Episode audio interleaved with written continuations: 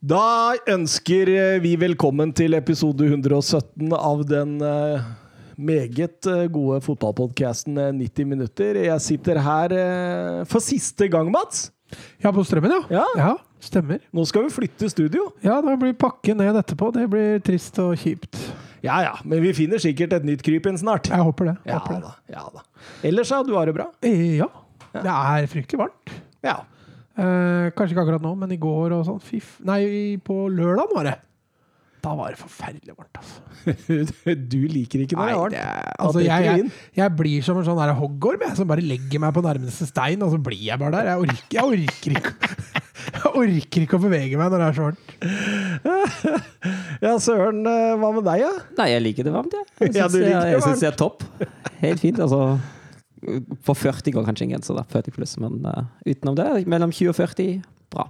Kjempefint. Men, men, men du, er ikke, du er ikke særlig i god form i dag? Nei, jeg er ikke helt med. Jeg er fryktelig trøtt og sliten. Jeg fikk jo eh, første stikk i går, og det er jeg veldig veldig glad for. Eh, og så kombinert det med dårlig søvn. Jeg, er litt, jeg er litt trøtt i dag, så hvis jeg ikke henger helt med, da er det derfor.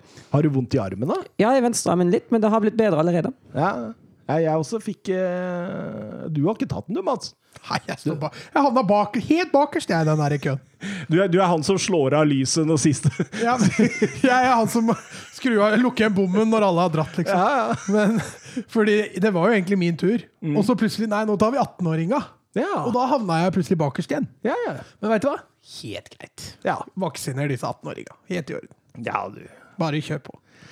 Nei, jeg, jeg, jeg er glad for å bli vaksinert eh, nå, ja, altså. Det, det for min del. Men eh, ja, jeg klarte jo meg Altså, nå har jo den pandemien her gått i ett og et halvt år, kan det være noe sånt nå? Ja.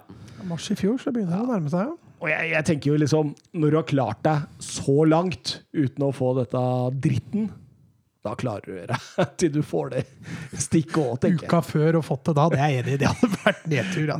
Det er akkurat som å løpe liksom maraton, og så siste ti, ti metera, så blir du tatt igjen av ah. Men um, vi kan jo egentlig bare starte. Søren han lengter etter senga si. Mats han lengter etter uh, å komme hjem til bikkjer og barn, tenker jeg. Nei. Nei, nei du, du har det fint her. Det fint ja. Men eh, vi vi kan likevel starte. Ja, det syns jeg. Vi kan begynne med et eh, spørsmål på Twitter. Eh, nisselue på. Eh, Gamle, gode nisselue. Han spør guttas tanker på nivået på ekspertene i dette mesterskapet, særlig NRK. Har de med mye rart når navn som Jarmolenko, Stensny og Zelenskyj er totalt ukjente? Fremstår dem jo både uforberedt og totalt uinteressert i europeisk fotball. Søren, du, du er liksom den som er, eh, svarer best politisk korrekt av oss alle tre her. Kanskje du skal Ja, men jeg er faktisk den som har sett minst av studio, tror jeg. For jeg har som regel skrutt på rett på kamp, og i pausen gjør jeg som regel andre ting. Så jeg ser ikke så mye på studio. Det jeg har fått med meg, er jo altså Det som jeg kanskje irriterte meg mest over, av denne minireklamepausen som TV2 kjører mellom nasjonalsang og kampen blir sparka i gang. Hater du den minipausa? Eh, det- Jeg er ikke en stor fan. Jo, men, men på generelt grunnlag, da, Søren. Hvis man ikke veit hvem Zelenskyj, Stensny og Jarmolenko er, og så kommer du til studio og er ekspert, hva, hva tenker du generelt om det? Ja, da tenker, altså, da tenker altså, det, det er jo navn som man, bør, som man absolutt bør ha på, på planen. Det er jo det er ikke akkurat ukjente navn i europeisk eh, klubbsammenheng, og i hvert fall ikke når det kommer til, eh, til et mesterskap da de nevnte spillerne gjerne skal spille en stor rolle i sine respektive lag. Så da bør jo det i hvert fall være på plass. Hva tenker du, Mats, om dette? Jeg har stort sett styrt unna det meste av sendinger. Jeg, jeg, prøv, jeg prøvde litt NRK på en før England-kampen, men, men jeg endte opp å se Big Bang Theory før kampen. Valgte, jeg valgte heller det, faktisk. Ja, men, det, det, Uten at jeg håper jeg sårer noen av den. men, jeg, men jeg kan trekke konklusjoner av den. Ja, det er bare å trekke det du vil. Eh, Jeg også er litt sånn at jeg eh, Vet du hva, jeg har ikke sett veldig mye av det. Fordi uh, veldig mange av kampene må jeg se kanskje en time etterpå, to-tre, fordi jeg har et familieliv og alt. Uh. Så på en måte EM det starter klokka 10-11 på kvelden for meg, det. Og så går jeg gjennom de kampene, og da da har du ikke tid til å sitte og høre dette studiopjattet. Men, men på generelt grunnlag, da jeg har fått med meg noen av de postene til Nisselue på Twitter, og mm, det er jo lov å spørre om får en betalt for det der. der. Fordi, fordi det er ikke veldig bra, og det, det, det lille jeg har hørt også, av ting og tang. Av, eh, nå skal jeg ikke henge ut noen, men Det, det, det er på meget, meget lavt nivå. Jeg trodde vi holdt en podkast på lavt nivå, men, Vi var nest nederst. Er det det, du- men egentlig så er vi ganske høyt der oppe, hvis det der er det vi kan skilte med. Eh, Søren, Ja, du eh, du, du har grini til deg og stiller spørsmåla i boka i dag. Ja, for hvis du stiller spørsmål til meg i dag, kommer det ikke noe produktivt ut. Så jeg tenker vi tar, vi tar tre PPS igjen, og så tar vi tre forskjellige kategorier. Men jeg spør Mats etter et nummer, og så kan eh, Thomas få det nummeret. Ja, ok, ja, greit. Den første kategorien er skandaler. Thomas, spørsmål ti til deg, da. Hvilken engelsk verdensmester ble i 1970 arrestert i Colombia mistenkt for å ha stjålet et smykke? Hvilket årstall? 1970? Oi, 1970. Engelsk verden med Jeff First. Det er feil. har ikke peiling. Nei, du, Gordon Banks. Nei, det var Bobby Moore. Thomas, skandaler, gi meg et nummer. Da vi tar åtte, da. Mats, hvilken kroat som siden spilte for AC Milan, gikk til angrep på en politimann i forbindelse med opptøyer mellom Dinamo Zagreb og Røde Stjerne i 1990? Boban. Det er helt riktig. Svonomir Boban 1-0 til Mats. Eneste kroaten Ja. kunne så ha På den tida er Prosjeniski. Ja, var han der på en tidlig 90 da? Ja. I Kroatia, men han spilte vel ikke i Milan. Da går vi videre på Becker. Thomas, gi meg et nummer. Da blir det sju, da. For hvilket landslag spiller Joshua Kimmich i 2019-20-sesong? Var det, var det, er det så enkelt? Er det derfor du ler? er lurespørsmål, dette, Mats. ja, still spørsmålet en gang til. Da vil jeg gjerne, jeg vil gjerne høre det en gang til. Ja. For hvilket landslag spiller Joshua Kimmich i 2019-20-sesongen? 2019 Ja, han melder ikke overgang i 2021, eller? Er det Tyskland, liksom? Er det så enkelt? Det er så enkelt, Mats. Det er Tyskland. Gi meg et nummer, Mats. Uh, fem. Hvilken bekk var med på Løpuls se seire i serievinnercupen i 1977, 78, 81 og 84? Jeg får bare så gammel Du er ikke heldig. Liverpool Beck. Og han var med i uh, serievinnercupen i- i 77, 78, 81 og 84. 84. Liverpool Beck. Det er jo før Steve Det ikke, det er ikke Jason Stanton McAteer. Nei, det er ikke McAteer, liksom. Nei. Det er jo d- før uh, Prøv deg på Bjørneby. Alan Hansen. Det er feil, Mats Ja, Woody. ok, pepper. Nei. Det var Phil Neal. Ja. Grisen Phil Neal. Du har hørt han der ah, Når han uh, Bjørge Lillelien kommenterer jo Norge-England i 81, vet du. Og da Tom Lund, han herjer. Han herjer med disse engelskmennene. Og, og um, Phil Neal, han uh, takler jo Tom Lund så hardt, uh, for han er jo drittlei. Og da Bjørge Linelin han roper bare 'Phil! Gris! Neil! Få den vekk! Få den vekk!' det er så bra. Da går vi til siste kategori. Uh, sparken. Mats, du kan starte med å gi et nummer. Eh, Vi prøver oss på eh, fire. Fire. Hvilken klubb har gitt blant andre Kjetil Rekdal, Harald Aabrekk og Ivar Morten Nordmarksparken? Ålesund. Det er helt riktig, Thomas. Oh, tar jeg det på norsk fotball? Ja. Da kan du gi Mats et nummer. Sju. Hvilken Lillestrøm-trener som var inne i sin andre periode som trener for klubben, fikk sparken i 2018? Arne Erlandsen. Det er helt riktig! Mats, da vinner du 3-1. Gratulerer.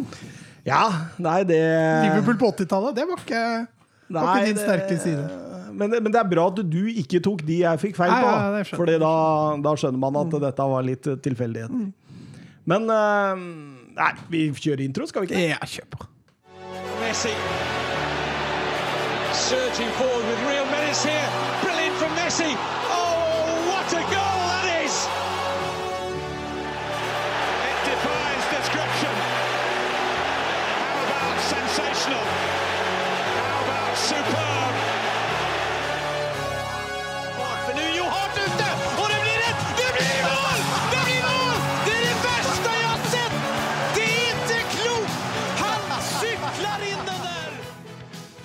Ja da!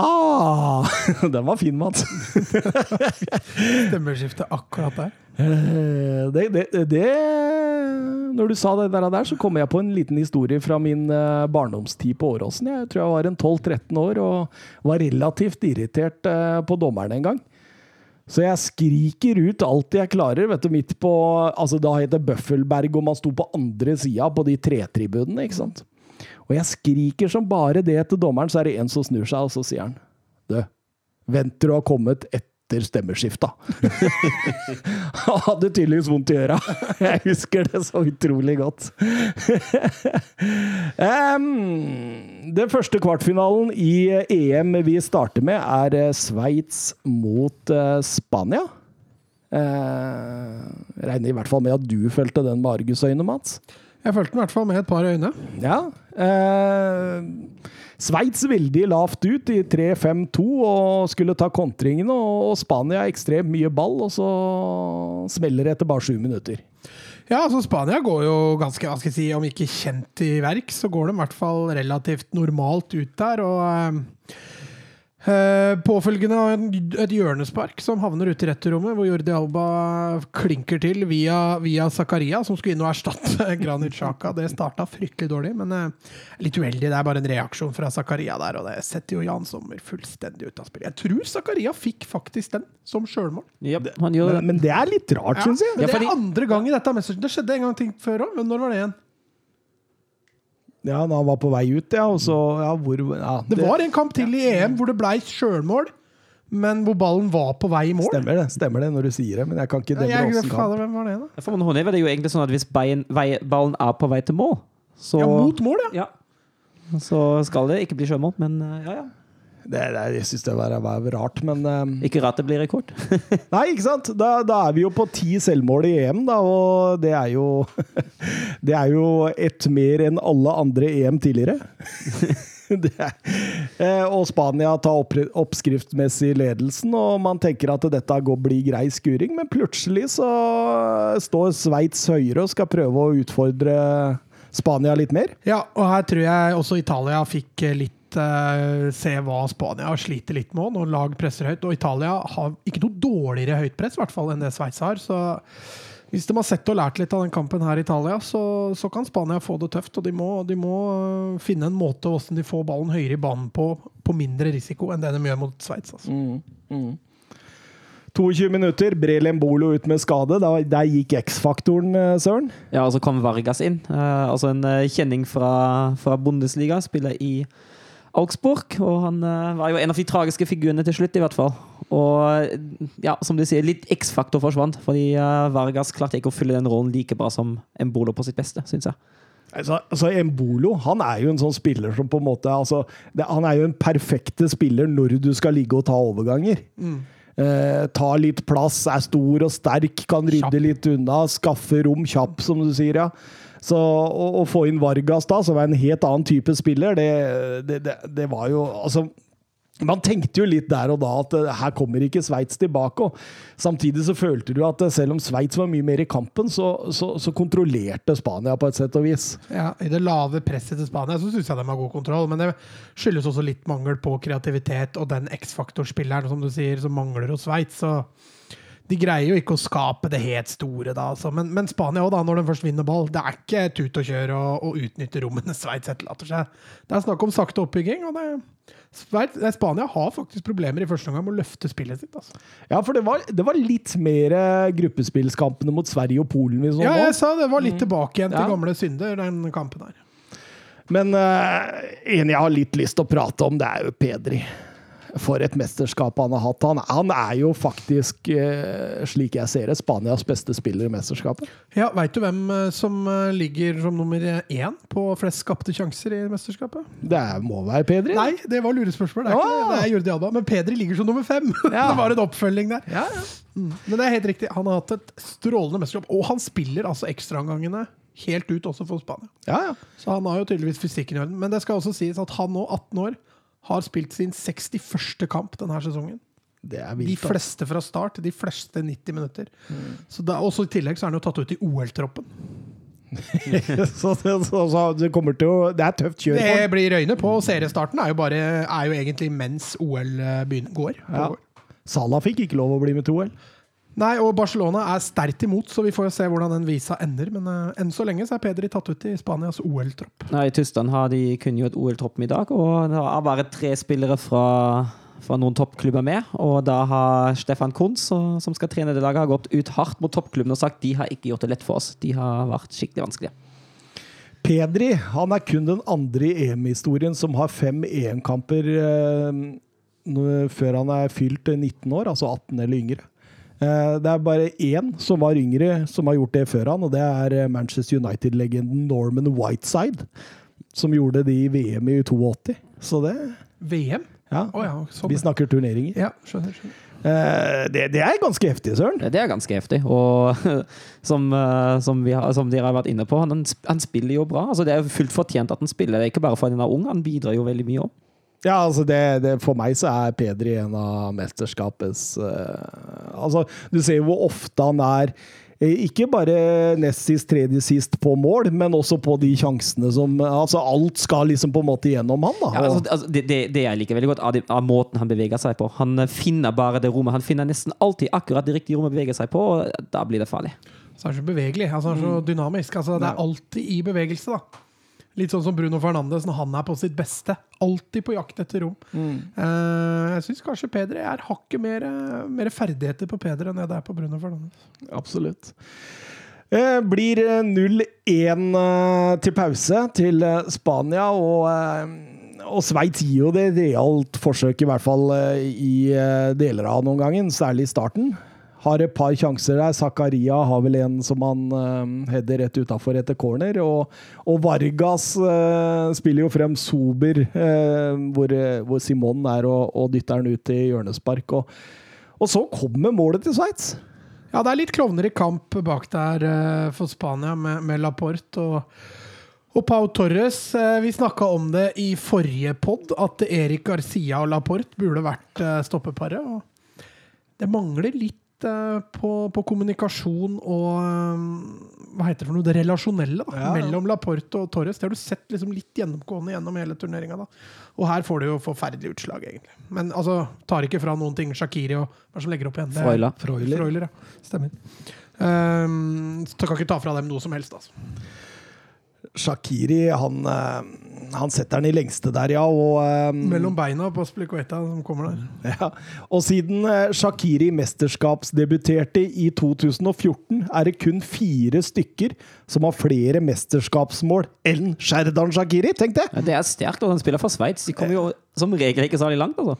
Har dere navna på dem, eller? Det er sikkert Grismann en av dem. Grismann ligger nummer to. Cristiano Ronaldo. Han ligger nummer én, ja. Mm. Grismann var med òg. Ja. Ja. Men er det europeere?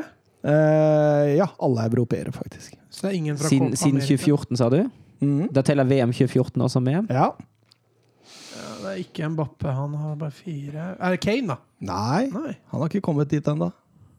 Eller han kom dit Ja. før dette var skrevet, faktisk. Så, så blei han opp på den lista der òg. Ja, okay. Men det er, det er ikke noen spanjoler heller, vet du. De har ikke noen målskårer, dem heller. Italienere. Tyskere? To, Thomas Müller, kanskje? Nei, nei, nei. En, en Romelu Lukaku Ja, ligger på treet. Også Ivan Perisic. Ja. Selvfølgelig. Og så har jo Kane kommet opp dit nå med de to måla eh, mot Ukraina, men det kommer vi eh, tilbake til seinere. Eh, det jeg tenkte på Spania, Mats eh, Jeg syns de søker altfor mye sentralt i banen. Hele tida skal inn sentralt. Spille på seg brudd, og det, det kommer gave på gave til Sveits der en periode. Ja, og spesielt uh, Busquets har en eh, Altså Defensivt syns jeg han er bra, men offensivt syns jeg han sliter i ballfordelinga. Det er mye stygge brudd som er litt uvanlig i Busquets. Um, men det er jo også litt sånn den spanske tikki-takaen, Altså det med å tre seg gjennom midten, det å, å gå gjennom der det er som trangest. Ikke meg imot sånn, sånn generelt sett, men eh, det er klart, nå har du litt mer begrensa spillere enn det man har hatt på sitt beste. Tenker da kanskje spesielt på Kåke og Morata, som er grusomt lite kreative.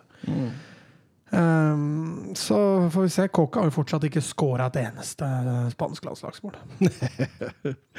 Men, men eh, Ja, jeg er for så vidt enig med deg, men også syns jeg også Busquets sin rolle i moderne fotball begynner å fades ut litt.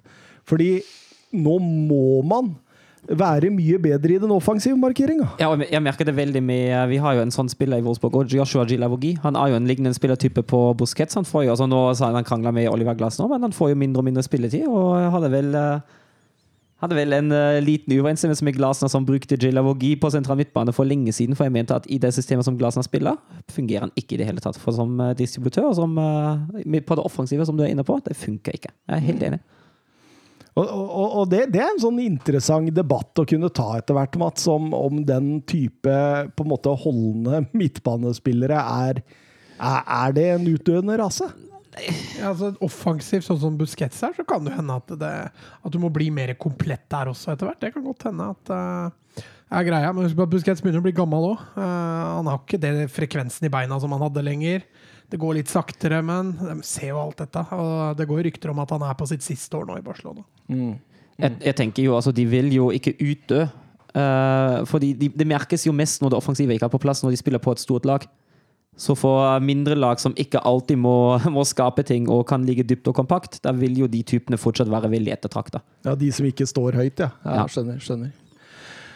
Men så får jo Sveits et rødt kort. Eh, litt vel strengt, syns jeg. Litt vel strengt, syns jeg òg. Eh, hva tenker du, Mats? Jo, jo. Eh, litt vel strengt, syns jeg òg. Ja.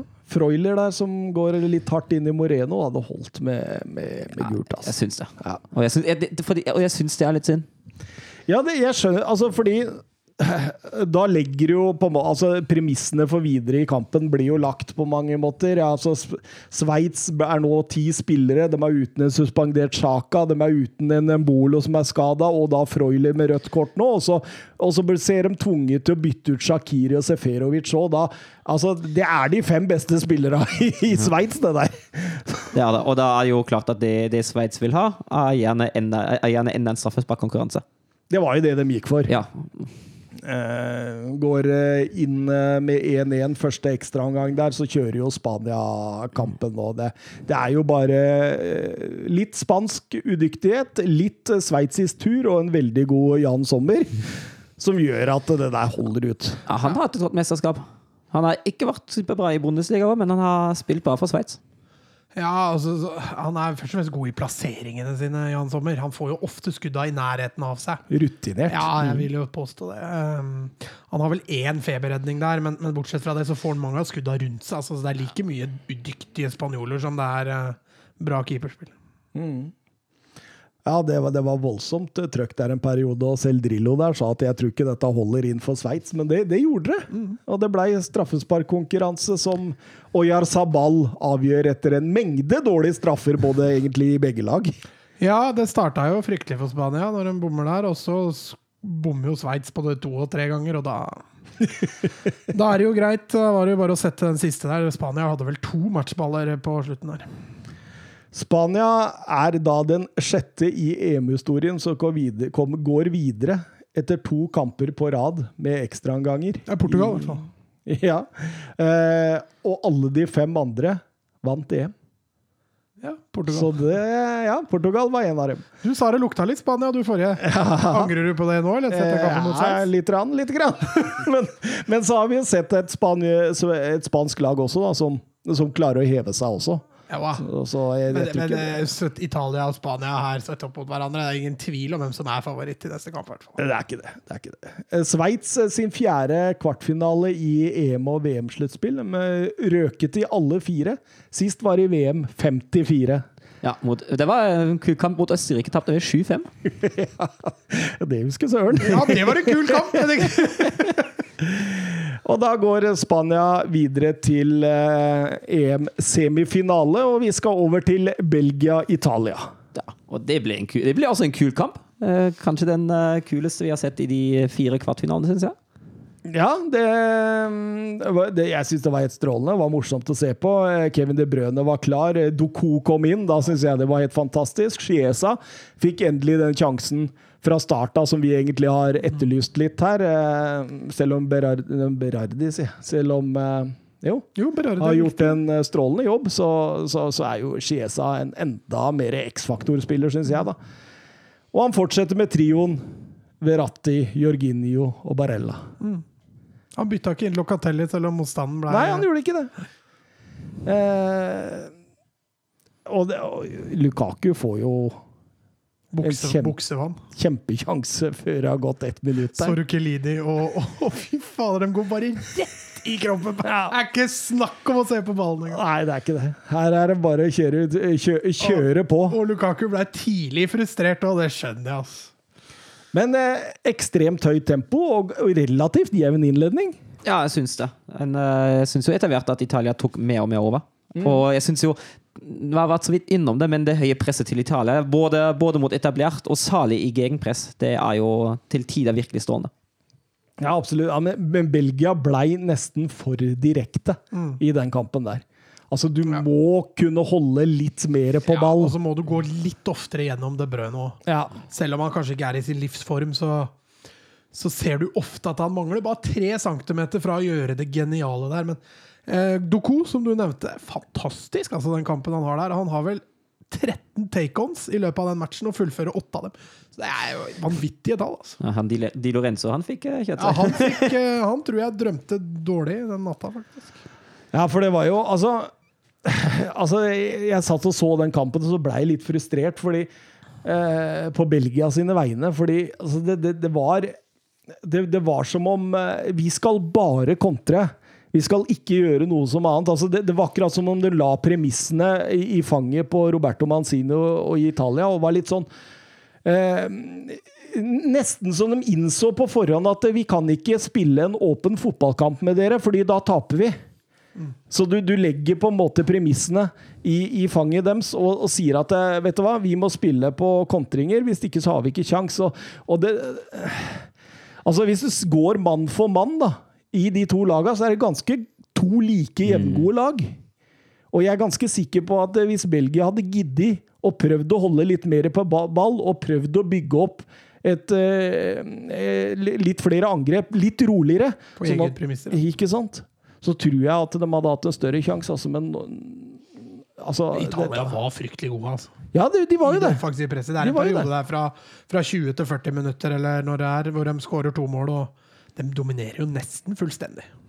Ja, du har jo den, har jo den der Etter 21 minutter så har du den kontringa ved Kevin De Brøne der hvor, eh, hvor Donnarumma må strekke på seg. Et skikkelig bra skudd der. Og så har du Lukaku eh, fire minutter seinere, og etter det så er det bare Italia. Etter denne dobbeltsjansen til eh, Federico Chiesa, hvor han blir blokkert to ganger, så er det jo bare Italia. Og, og 0-1 kom jo etter en halvtime der med Barella. Ja. Og enda et eksempel på god høy gjenvinning på den der. Og enda eksempel på gode, kyniske italienere. Sånt. Ja, du tenker på Immobile? Jeg tenker ja, på Immobile, Herregud, ja, altså, det der er bare, bare pinlig, altså. Herre min hatt. Vebjørn Fredheim spør oss på Twitter hva synes man om Immobile i forkant av 0-1-skåringen. Gå og skamme seg. Ja, det er forferdelig å se på. Altså, han, han eh, filmer i forhold til å ønske et straffespark etter en duell med Jan Fertongen, og så, så vinner de jo ball tilbake igjen. Ballen går til Barella, som setter mål. Og, og når de drar ut og jubler, da, så spurter han med resten Ja, av Så reiser han seg på løper. Da har han ikke vondt lenger. Og, altså, og vi, har jo, vi har jo vært innom det. Og jeg har jo sikkert nevnt før mitt litt anstrengte forhold til italienske landslag etter 2006-VM. Eller siden det. 2006-VM. Og jeg sa jo i, uh, i den chatten vi har på Messenger, at uh, etter de første to kampene var det vel, at jeg klarer ikke helt å ha det samme anstrengte forholdet til dette italienske landslaget. For det har endra seg. De spiller mye finere fotball, og det er ikke den samme ufyseligheten, for å si det rett ut. Og så, så jeg den Belgia-kampen, og så ble jeg minnet på hvorfor jeg egentlig ikke liker det italienske landslaget. Fordi da var vi tilbake til det. Og jeg så også at noen, eh, noen hyller det for kynisme, men altså jeg synes det er en viktig forskjell mellom kynisme og forsvare seg og legge seg dypt og være kyniske, og å være direkte usportslig. Og det Italia drev med salig siste kvarteret, det mener jeg er direkte usportslig. Der var de litt tilbake til Italia, hva han kjenner fra 1990-åra og sånn. Ja, men 2006 òg. Ja. Altså, dette italienske laget blir fryktelig vanskelig å slå. For når disse tar ledelsen og bestemmer seg for å spille som de gjør her nå, de kommer til å frustrere samtlige de møter. Med overspilling, med dramatisering, med å gjøre maks ut av hver situasjon. Og det gjør at Italia kommer til å vinne. Eh, en ting jeg la merke til under denne kampen, det er hvordan Witzel og Tilemann alltid blir to mot tre på midten. Hver eneste gang. Så det, det er også noe av grunnen da, til at de blir så direkte, ikke sant? fordi de klarer ikke altså, det, er, det er en kjempebelastning for to spillere å bli, stå igjen i midten der med tre hver eneste gang. Og, og Verratti fikk store rom. Han kunne diktere. Barella fantastisk! altså. Helt strålende. Finner vi noe bedre boks-til-boks-spiller enn han for tida? Nei. Nei, det tror jeg er, verden, det er verdens beste boks-til-boks. altså. Ja, det tror jeg jo. Jeg kommer ikke på noen i farta, i hvert fall. Nei, han jeg, jeg eh, Vebjørn Fredheim spør også om det. Hvor høyt setter man Barella? Husker dere snakket han opp før han kom til Inter? Ja, for det gjorde vi jo. Ja, Vi så det jo i U21-EM, og da var vi jo mektig Ja, da var vi jo mektig imponert over han. Ja, og vi sa jo også at han passa perfekt inn i Conte, Mm. så der har han jo fått en god skole. Så nei, Barella er, er strålende. Og som vi også sa før EM, Barella er en spiller Manzini aldri i verden kommer til å sette ut av laget så lenge han er skadefri. Og han eh, kjører jo denne kampen her. Han er jo helt enorm. Han er kampen mange, på mange måter, Søren. Ja, helt enig. Han er helt sjef på midtbanen. og- Nei, jeg har ikke noen bedre ord, jeg heller. Det er stor, stor fotball, det er det. Og, og i denne perioden så kjører jo Italia rett og slett over. Altså, de vasker gulvet med Belgia. Ja, etter at de tar ledelsen 1-0, så er det bare mer blod på tannen. Og det er jo her vi kanskje ikke kjenner igjen Italia så mye fra 90-tallet, da. Hvor 1-0 skal bli til 2-0 istedenfor at 1-0 skal forsvares. Og det er jo gøy. Og når Lorenzo Insigne avslutter 2-0 på den måten, så tenker man jo OK, takk for kaffen. Han, han mottar ballen på egen banehalvdel og bare setter fart på. Eh, En presspiller på ballfyr av deg, altså. Jo, men At forsvarerne faller så dypt, er jo for så vidt greit. Men at uh, midtbanen er så langt unna, det er jo en konsekvens av det Thomas prata om i stad. At de er jo bare to sentrale, så så lenge han ene da er litt feilplassert, så har de jo ikke noe valg. De må bare falle av. nei, sant det, altså. Han køler den inn i lengste. Det er, nydelig. Det, det er en nydelig scoring. Du kan også stille spørsmålstegn med det blokkeringsspillet på stoppet. Hadde aldri gått med Burnley. Videre i verden. Tarkovskij eller Ben Mee hadde sugd inn i den ballen. der. Det hadde ikke vært en sjanse. Og de hadde bare åpna opp et lite rom, og der var Pope. Ja, helt riktig.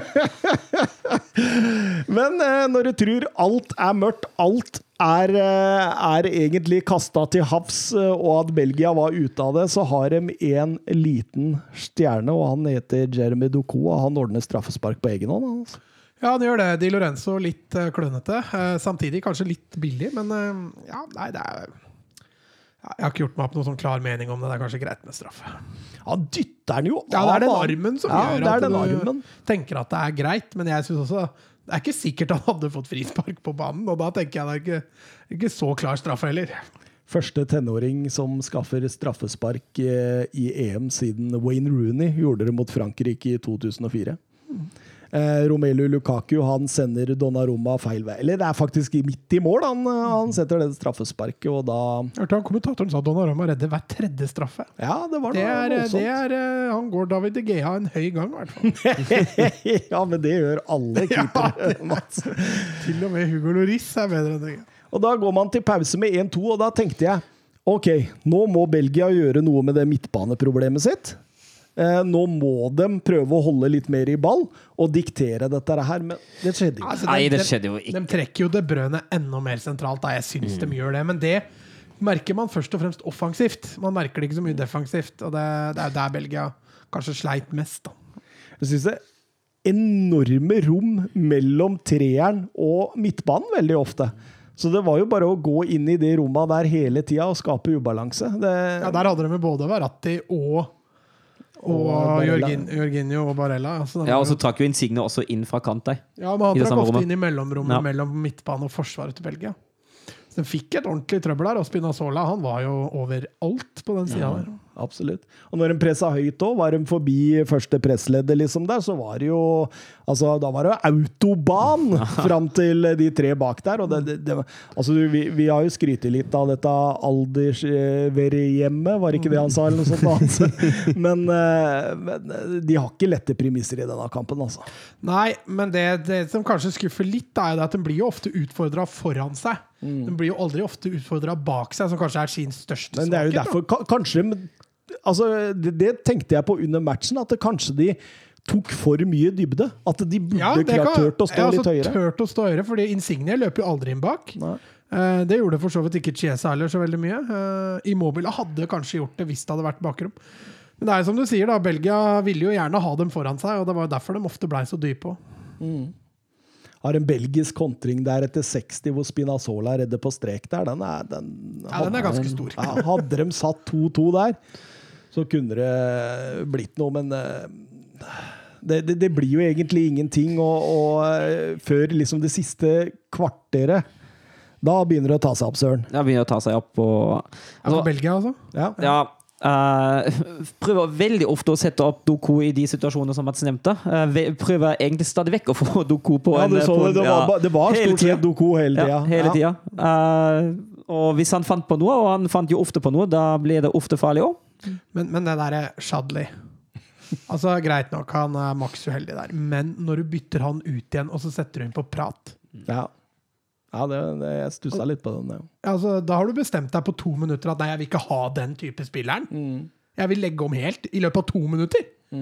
Ja, Hvorfor ikke, hvorfor ikke Trossar eller Carasco? ja, Som er mer samme typen, da. jeg er helt enig. Jeg, synes, jeg, jeg skjønte ingenting, faktisk. Nei, så, så, Og, og Shadley han kom inn, skapte en sjanse og ble skada to minutter ut. ja. Altså, så, så Ja, han, han fikk jo svar Ja, på det òg. Jeg skjønner liksom ikke hvilke, hvilke svar var det han fikk ut ifra de to minuttene han var på banen. Til å få inn en annen spillertype inn. Liksom.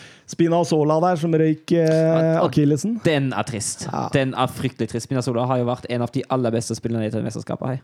Absolutt. Ja, han er vel en av topp to på den venstre wingback. Kanskje topp tre, da, hvis vi regner Mæle som wingback venstre. Altså, jeg er jo litt spent nå hvordan Italia løser det i, uh, i semifinalen, for Spinazzola har jo vært ekstremt viktig på det offensive spillet til Italia. Ja, nå blir det Emerson, da. Ja, må jo nesten det. Og før EM så sa vi jo det at det er et soleklart svakt punkt i Italia om de må spille Emerson. Eh, ja, vi har snakka om det. Kyniske italienere grinder ut eh, 1-2 mot slutten der, eh, til tross for eh, Jeremy Dokos uh, fabelaktige innsats der. Ja, det som er litt kult å se, er jo det at de søker Doko mye på slutten. Um, Mest urutinerte skulle ta Ja. mest ansvar. ja, uh, men, men altså, de ser vel også det gutta der, at han har dagen, da. La oss gi ballen til han, og så håper vi han ordner et eller annet. Eh, Se på hvordan han fører ballen. Det er litt Messi.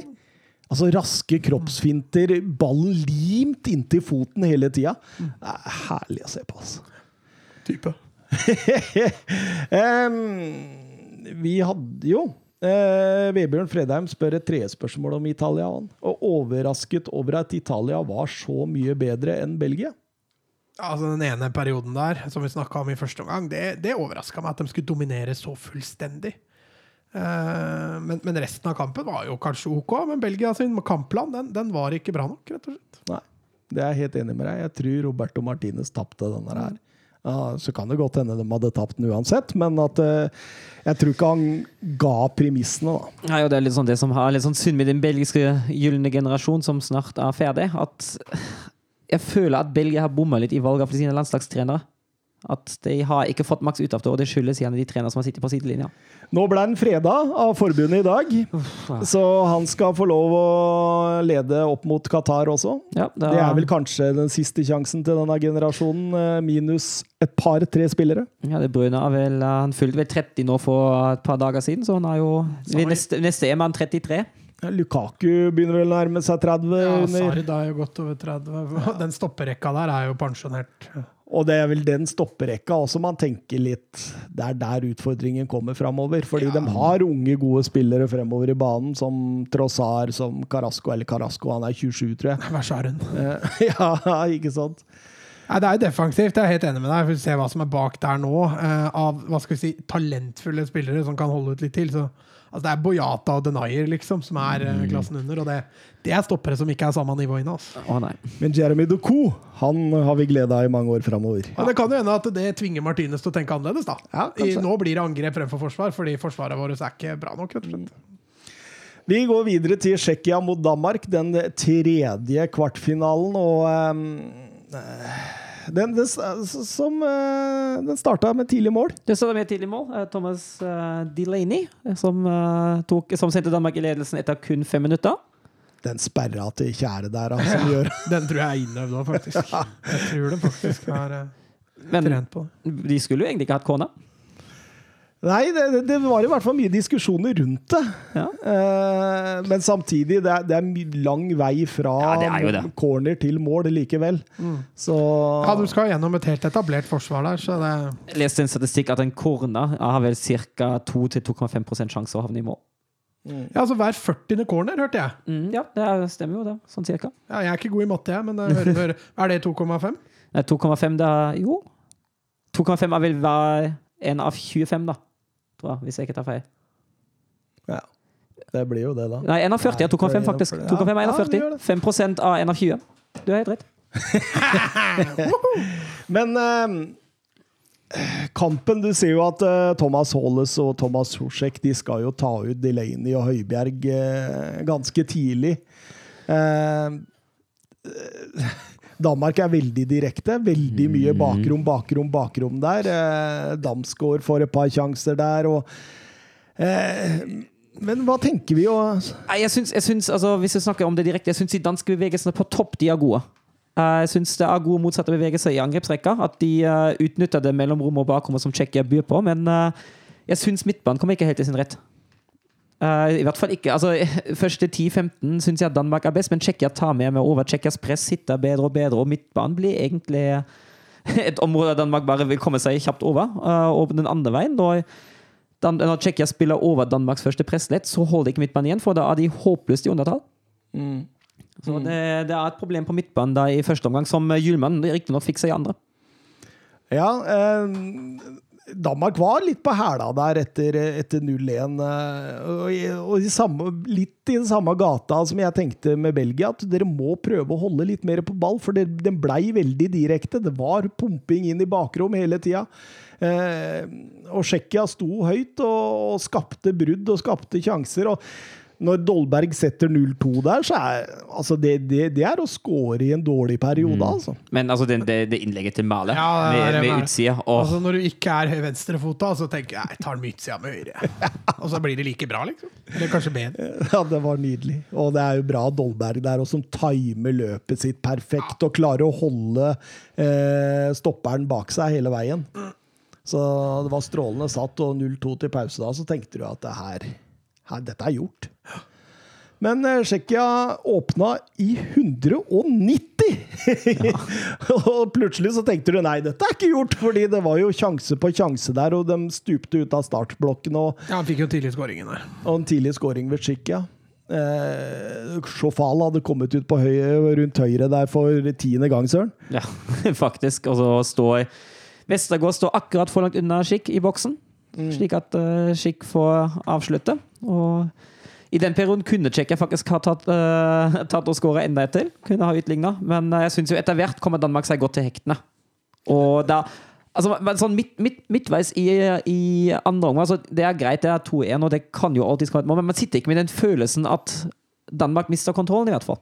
Men, men bør de kjøre det Trebekk-systemet mot England? Åh, det er litt Altså Med de på. Altså. offensive bekka som gang etter gang turer rundt på kanten der? Det kan bli mye rom hvis de kjører Mm. en Stirling Sancho, f.eks. Ja, eller at uh, da må Damsgaard og, og Braithwaite ha veldig god samvittighet defensivt, altså for at det der skal gå i orden. Altså synes jeg jo, altså det, som, det som er jo et problem med den trevekslinja, også, er jo den, det mellomrommet mellom forsvarslinja og, og midtbane, altså mot Tsjekkia. Det blir- Jeg syns det blir bedre når han flytter Christensen opp igjen, akkurat som, mot, som han gjorde mot Wales. Ja, la opp til 4-3-3, Ja. egentlig. Uh, og da blir det jo bedre. Da blir jo det undertallet midtbanen ikke håpløst. Men hvis du gir det rommet da til en Mason Mount, eksempel, da kan det fort bli ekkelt. Så Nei, syns- bare fugla vet, som får til det der. Så syns jeg det er fantastisk når det altså Fordi utover i annen omgang her, så blir det jo mindre Tsjekkia-press. Og, og det er jo eh, midtbanen til Danmark som plutselig klarer å holde på ball og diktere spillet både på, med ball, uten ball. De klarer å, å, eh, å, å, å ta de smarte løsningene, både i det å bestemme seg for at nei, nå skal vi holde mer på ball, istedenfor å kjøre direkte hele tida, eller, eller plukke ut de riktige eh, løpa fremover i banen. og og man kan si mye godt om Damsgaard i dette EM-et, men nå nå tror jeg Damsgaard eh, Jeg tror ikke han bør spille noe særlig mer. Nå er, nå er Han usynlig. de to siste kampene Ja. så har det bare gått feil vei.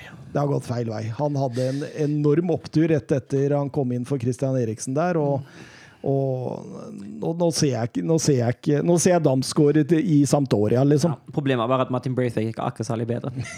For han eh, åh, Jeg syns ikke han har en god kamp.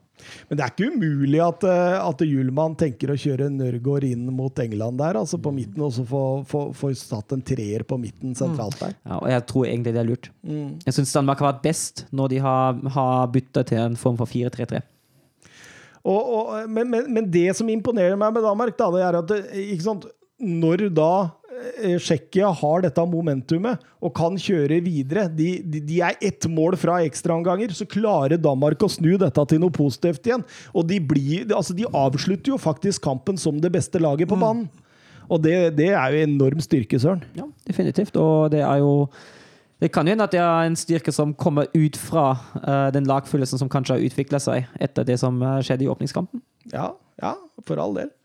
Og, det, og, og for meg så får jeg litt sånn 1992-assosiasjoner over dette. Altså, i forhold til dette med Eriksen nå, i 1992 var det vel dattera til Kim Wilfort, var det det? Jo, stemmer. Hun lå for døden. Lå for døden, og, og han måtte nei, Han, han valfarta nærmest fra EM Ja. til sjukehus. Og så ble han overbevist av familien om å Ja. dra tilbake igjen eh, to ganger.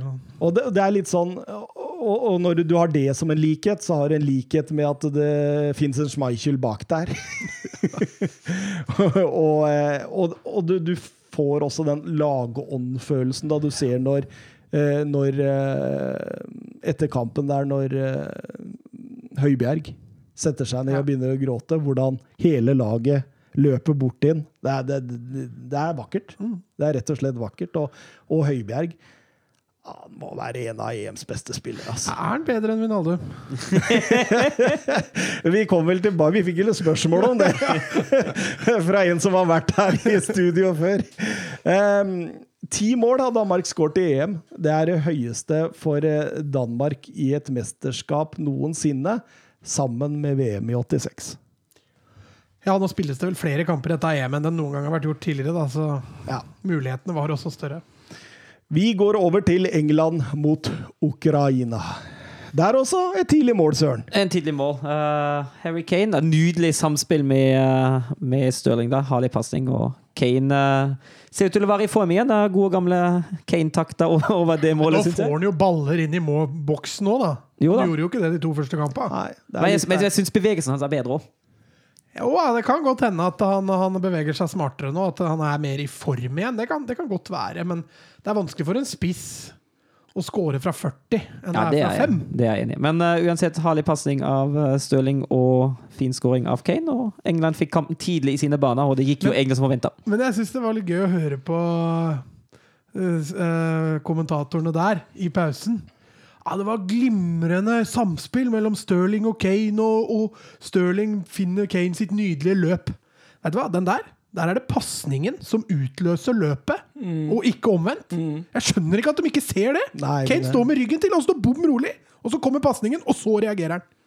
Var glimrende av Stirling. Nisselue på, sitter hjemme og applauderer. Ja, det gjør nok ikke det. Jeg skal ikke henge ut noe, det, altså, men eh, det var jeg blir, altså, Sånn blir jeg litt frustrert over, når du liksom så opplagte ting går deg hus forbi i tillegg.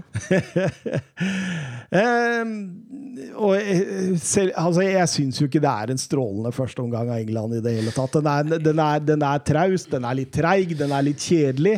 Og de, de, de spiller eh, Prøver å spille på det sikre, og så har de et par feil der hvor Ukraina kunne straffa dem. Ja, kunne. Men uh, altså, jeg tror det, det, det du er inne på, det skyldes jo også at kampen tidlig er 1-0. Uh, du ser jo England legger jo presset sitt ved midtbanen. De trenger ikke å presse høyre. Nei, for de, de vil jo prøve å åpne rom for Stirling og Sancho. Åpenbart. Det er jo det, der det vil gå. Fordi de, de stupte jo opp i press, og så fikk de mål, og så senka de seg. og Det, det var åpenbart en kampplan eh, Southgate hadde, det, Mats. Ja da, det var nok det. Um, og, og så er det jo litt sånn Du er i en kvartfinale DM, og så møter du Ukraina, liksom. eh, som egentlig har flaksa seg litt dit. altså Kom dit via en tredjeplass. Som de egentlig ikke trodde de skulle klare heller, når de havna som nummer tre der. Men eh, det blei noe sånn, og så greier de da etter 121 minutter å slå ut Sverige, som vi også var enige om at egentlig ikke hadde noe, noe der å gjøre også. Så Ukraina har jo hatt en litt sånn der kronglete vei, samtidig som de har vært veldig heldige. da. Og så da møter du England, og nå ser du jo forskjellen på et lag som er egentlig ikke gode nok, men som har spilt litt på energi og, og rein vilje, og nå begynner den energien og viljen å tømmes. Og da England får det jo akkurat dit de vil etter hvert. Ja, altså det Etter pause der, Harry Maguire eh, 2-0. 3-0 med Kane to minutter etterpå. Da, da er jo alt kjørt. Ja, ja. Det er ikke kjangs i verden for at de skal kunne komme tilbake der. Kane sitt niende mesterskapsmål da. Eh, ti eh, har Lineker, som har mest i England, så Ja, den kommer jo til å ta den. han har i hvert fall VM og ett EM til på seg, i hvert fall. I hvert fall. Hvert- Så, så den ryker nok med skyhøye. Ja, hvis han ikke blir skada. eh, Kanskje han ryker allerede nå? ja, kanskje det. Kanskje det. Kanskje han tar den mot Danmark. Det er ikke helt umulig. Er typisk England å ryke der, er det ikke? Mm. Det er faktisk det. Ja, det er altså historien. Det er ikke på England sin side der, det er helt riktig. Eh, Men England får veldig god kontroll, og, og tempo trekkes ned i kampen. Og det er som Søren var inne på før studio, er at de hviler jo seg Ja, egentlig den, siste, altså, den, den siste halvtimen var egentlig ikke en kamp man trengte å følge noe særlig nøye med på. Altså. Var litt artig, den uh, volleyskuddet til Kane der etter 61. en nydelig redning av Borsan. Ja. Eh, så skåret Henderson sitt første landslagsmål. Eh, Over gjennomsnittet fornøyd, i hvert fall. altså Det er klart det, når du har spilt 61 landskamper tidligere, så er det vel litt moro å skåre sitt første mål. Altså, det var vel Sol Campbell som hadde den rekorden om flest landskamper uten mål tidligere. Han skårte vel i sin 47. landskamp, tror jeg. Så det, og da komme på 62 og, og få et mål, det må ha vært deilig for han. Eh, og, og kampen er jo sånn at Felix Brysj, dommeren der, han, bl han blåser jo. Han gidder jo ikke å ta Nei, ekstra jeg tid. Trodde noen av de ukrainske spillerne som skulle inn, følte seg snudd, eller? Så det ble 4-0 til England og, og Fosser til en semifinale. England har dermed sju strake uten baklengst. De har sluppet inn kun ett mål på de siste elleve, Mats. Italienske takt over det hele? Ja, defa ja. fundament i, i, eh, i Ja, det på tross av at han faktisk har rullert litt, både i formasjon og, og spillere på det defensive der, så Men altså, Nå har jeg jo kritisert Southgate for det offensive, og det kan jeg gjerne gjøre igjen, men det defensive syns jeg virkelig han har, han har fått orden på. altså.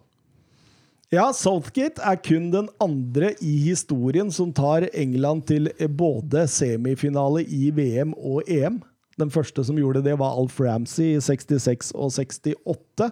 Og, og Southgate nå, han blir jo hylla av spillere nå. Eh, Kane eh, sier at han er en samlende eh, taktisk, rolig, analytisk trener, og, og Mason Mount var også ute og sa at eh, treningene er strålende. Han eh, er en samlende trener som tar vare på nummer 23 i rekka også. Og det, det var tilpasningsdyktig, sa Mason Mount. Han var veldig tilpasningsdyktig i forhold til åssen lag man skulle møte. og og Får mye skryt nå, Søren, selv om du har gitt en kritikk. Ja, jeg, kan, altså, jeg mener fortsatt Southgate ikke er en, eh, en internasjonal topptrener, men altså, det er jo klart når ting, eh, ting går, da får man jo skryt av spillerne. Sånn, eh, sånn blir det jo sjelden man hører Oi, vi er semifinalen, vår er skikkelig dårlig.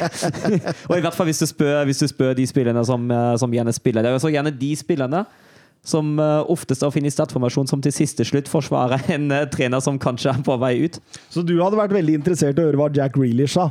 Ja, for eksempel, da. Men altså, jeg, altså, det, er jo vanskelig å, altså, det er jo vanskelig som spiller å kritisere en trener som når semifinalen. Det er jo det. Da går de ikke ut mot egen trener. Hva det skjedde har jeg hørt én gang i det siste, og det var jo Thomas Tuchel etter han vant cupen med Dortmund. Da gikk spillerne ut og var dritsure. Sist England skårte fire i et mesterskap, jo da, det var i 4-2-seieren i finalen mot Tyskland i 66. Ja, men da, da trengte de 120 minutter, for den kom på, eh, på ekstraomganger. Stemmer det. Stemmer det. Eh, Van Dahl på Twitter, noen ord om Luke Shaws mesterskap. Ja, han starta jo på, på sidelinja, så han har jo bare spilt seg varm, han, og han har vært eh, strålende. Han fortsetter der hvor han var i United. Tre assist i utslagsspillet nå. Ja, Han kommer til å starte de siste kampene. han. Er enorm, Søren. Ja, kjempesterkt. Den venstrebekken er hard å velge på årets lag, altså. I EM. Ja, Ja. den er det. Der har du Gåsens, og du har Shaw, du har Spinazzola, du har Mæle, og det er, den, er, eh, den er vanskelig, altså. Mange gode venstrebacker i dette mesterskapet. Ja. Eh, Sandra HJ. Grealish, nei, skuffende at Grealish ikke spiller mer. Hvorfor gjør han ikke det, tror dere? Man føler seg litt snytt at man ikke får se en sånn spiller så mye, da. Ja, altså, Stirling har jo Altså, vi har jo har jo halshøgd han tidligere, men eh, Vi gjør ikke det nå. Nei, han har hatt et bra mesterskap, altså. Så, så det, jeg syns han forsvarer den eh, plassen greit. Um, Men kan dytte Stirling ut høyre? ja, det er det som eventuelt er argumentet her, da. Eh, Rashford har jo ikke fått noe særlig spilletid heller, og plutselig starta jo Sancho. Uh, Men kan du, kan du altså bedytte inn Greeders sentralt? Ja, Det kan som en tier ja, Ja, i Mount-rollen. Ja, ja, ja. Mount-rollen funker den fint. ja, altså, Eh. men han er jo ganske potet, Grealish òg, så lenge du bruker han offensivt. Så, så kan du bruke han i flere posisjoner òg, men Og Phil Foden har jo forsvunnet ut. Ja, han også starta vel de to første, og etter det så har vi jo nesten ikke sett han heller. Så um, det er jo som man ble sagt tidligere her, at han er flink til å passe på alle spillere i troppen. For nå har vel de fleste offensive fått lov å prøve seg. Ja. Til og med Calvert Lewin ble vel dytta inn her. Så Det er lett på 4-0, da. ja da, ja da. Men jeg har fått prøve seg. Eh, jeg tror Grealish starter mot Danmark. Ja. at det var derfor, altså, fordi jeg tror Hvis ikke Grealish hadde fått en start mot Danmark, så tror jeg han hadde kommet inn mot Ukraina. Så jeg tror det er, eh, er greia der. Southgate har jeg gitt opp å prøve å lese, så det, jeg aner ikke. Eh, Geir Halvor Kleiva på Twitter. Synes dere, Engl eh, synes dere England ser sterkere ut enn Italia? Eh, med, på det, med tanke på å vinne EM nå? Nei, jeg syns Italia er hakket mer komplett. Eh, England har helt klart sine forskjeller. Men eh, når de møter Italia og gjør de feilene de gjorde i første gang mot Ukraina, for eksempel, så kommer de til å bli straffa mye hardere enn det de ble mot Ukraina. Og for at England skal kunne vinne den kampen uten å måtte behøve straffesparkkonkurranse, så må de skåre antageligvis i hvert fall to mål. For jeg tror de kommer til å slippe inn. Men det er på Wembley, da. Ja, eh, Nå, nå, nå skal vi ikke si at dette blir finalen allerede, da! jeg har en feeling på det, altså. Det er, jo, det er jo de to favorittene i semifinalen. si. Ja. altså Det er bare én kamp, som jeg har vært inne på det, er- det er litt morsomt at vi, vi har semifinale i morgen på onsdag, og vi sitter her og prater om finalen. Det, Det er bare én kamp, og i én kamp kan mye skje. Det er, det er bingo. Uh, og plutselig sitter vi på, sitter vi på, sitter vi her på tirsdag og snakker om finalen Spania-Danmark. på NM. Nei, bingo er det ikke, søren. Jo, det, altså, det er mer bingo enn en, en serie. Ja, men bingo er jo bare flaks eller uflaks. Ja, det er, det er. Det er ikke bare bingo, men uh, bingo er en faktor her. Ja, altså Du skal ha tilfeldigheter på din side, det er jeg helt enig i. Men uh, altså Skulle jeg vedda på noe her, så hadde det blitt Italia-England i finalen. Det hadde jeg jo. det har vært en morsom finale. Det tror jeg òg. men det er klart det er de to mest, eh, hva skal vi si, best defensive lagene her, da, så jeg veit ikke hvordan det kommer til å slå ut. Ja, men jeg, sy syns jo Italia presser jo høyt og prøver å underholde og alt det der. Så jeg, Ja, og England er jo gode i direktespill, så det kan jo at det blir to fine motpoler som møtes her. Men eh, ja, vi får se. Ja, det The Analyzed, som jeg har referert til tidligere i mesterskapet, har regna på det dem, i forhold til hvem som er størst favoritt. Ja. Eh, Italia er favoritter. Eh, 39,2 eh, Sjanse for at Italia vinner dette EM-et nå. Sist du leste opp den der, så hadde de Frankrike som favoritt, og da var de slått ut i samme Ja, podkast. ja, ja, ja, ja, ja. England nummer to. Eh, 26,7% sjanse for at de vinner EM. Spania nummer tre med 23,5% sjanse. Søren, mange prosent er det igjen nå, da? Og nå hørte jeg ikke hva de første to var igjen. Nei, 10,5 til Danmark. 10,5. Ja, og det er jo, altså det er kanskje som man, som man ranker dem også, uten å ha analysert dem, at det er favorittrekkefølgen Italia, England, Spania, Danmark. På Twitter spør Jørgen Be Ready semifinale-preview. Uh, han ønsker at vi skal si litt om uh, Vi får begynne med Søren, da. Uh, Ja. Du, Italia og Spania. Nei, da tror jeg Italia vinner. Eh, Jeg holder Italia som, eh, som de store favorittene i den kampen der. Eh, Som Mats har sagt, de er et ganske komplett fotballag. Spania har en del svakheter, svakheter som Italia fint kan utnytte og jeg tror Italia går videre til finalen. Helt enig. 2-0. Jeg skal ikke si hva jeg tipper, med tanke på konkurransen vi har. ja, men jeg kommer ikke Å oh, ja, den der, ja! Åssen ligger du an der nå? Jeg er på fjerde. Er du det? Foran Thomas, eller? Nei, tre poeng bak. Oi, Åssen ligger jeg, da? Eh, vil du vite det? Jeg tror jeg, jeg, jeg, jeg måtte scrolle sånn to ganger. Må scrolle nedover hele veien. dead last, liksom? Er ikke last. Ok. um, jeg vil være litt sånn djevelens advokat her, jeg da, så jeg sier at, eh, Spania, at Italia kommer til å få en sånn Østerrike-kamp, og at Spania vinner dette. Oi, oi, oi. Ja.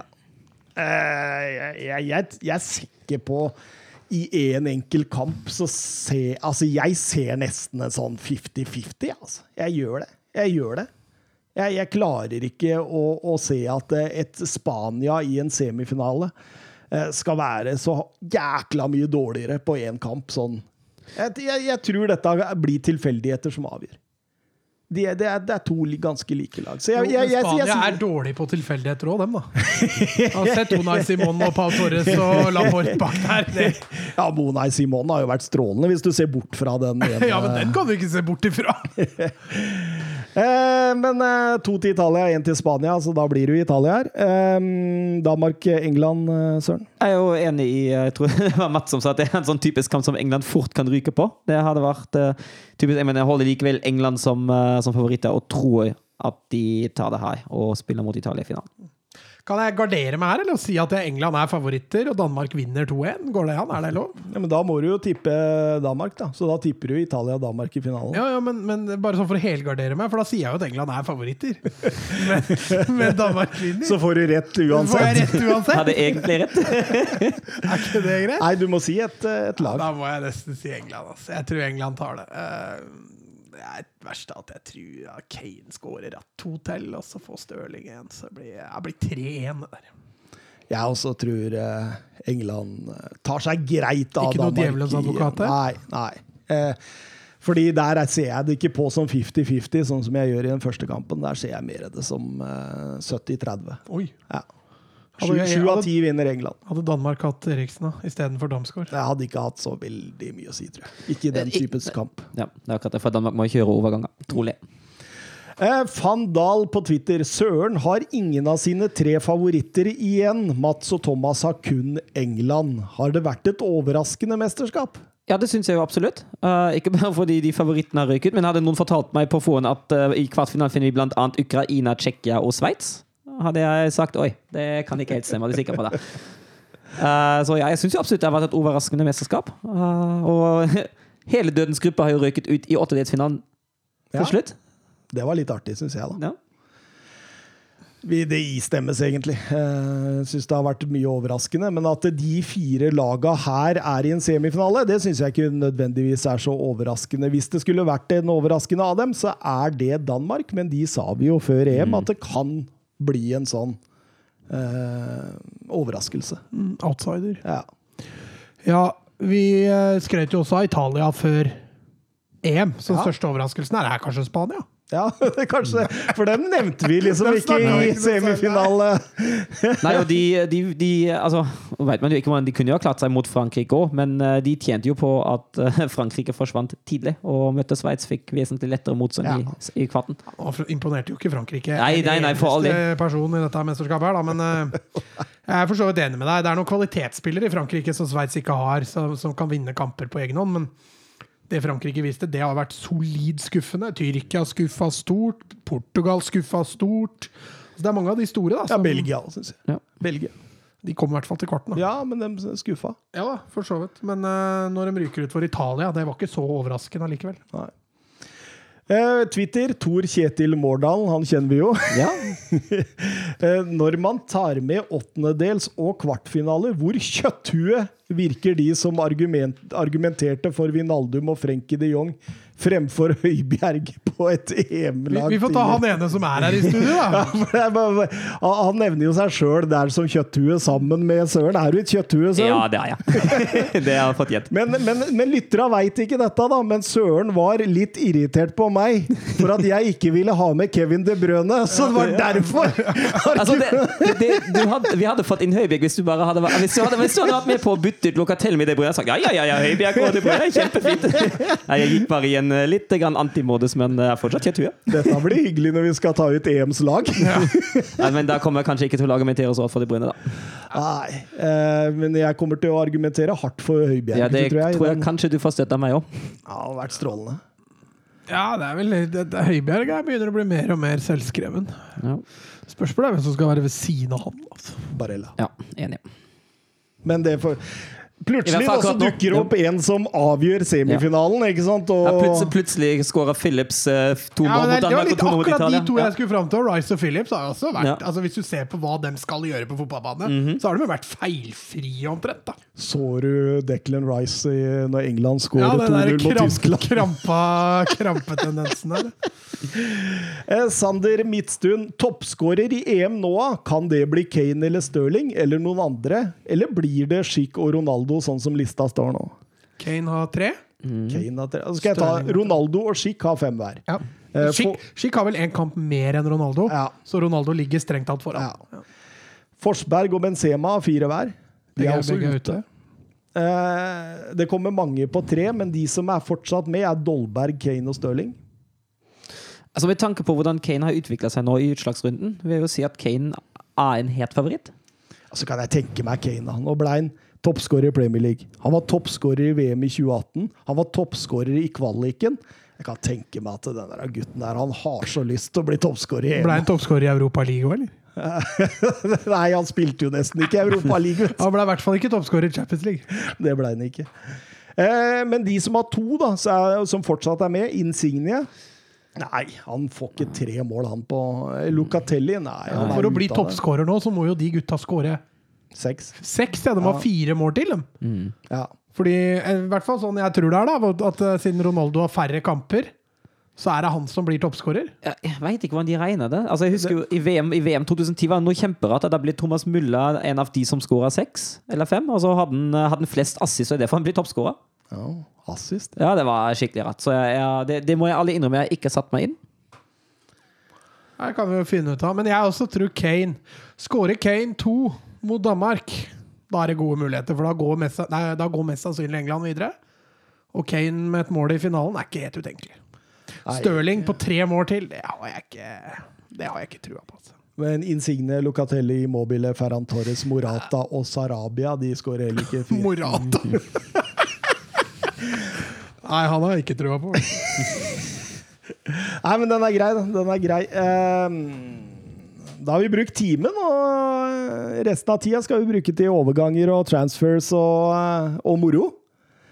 Eh, vi, kan, vi kan først ta de bekrefta overgangene, da. Og på Twitter så spør Glenn Weber André Silva til Leipzig for 23 millioner euro. Deres dom? Det syns jeg er en veldig god overgang for Leipzig. André Silva har vist seg å være en uh, veldig god målskårende spiss i Bundesliga, og det er jo akkurat det Leipzig-laget trenger. Dårlig overgang for Sørloth, da. Ja, det er det. Ja, men så det var jo det vi snakket Husker du ikke? Det var jo han vi var inne på her forrige episode, hvor vi ikke kom på. Hvor vi hadde lest det at Bruno Mars kan gjerne spille med begge to. Mm. Men ja, Ja, Men han har jo Paulsen òg, da. ja men Paulsen er litt mer kant, er han ikke det? Men ikke hvis han skal spille med to spisser. Nei. Da spiller han ikke med Paulsen som kant. Nei. Nei. Nei, det Men Sørloth har før tatt kampen om plassen med Poulsen, og det har ikke sett så dårlig ut, da.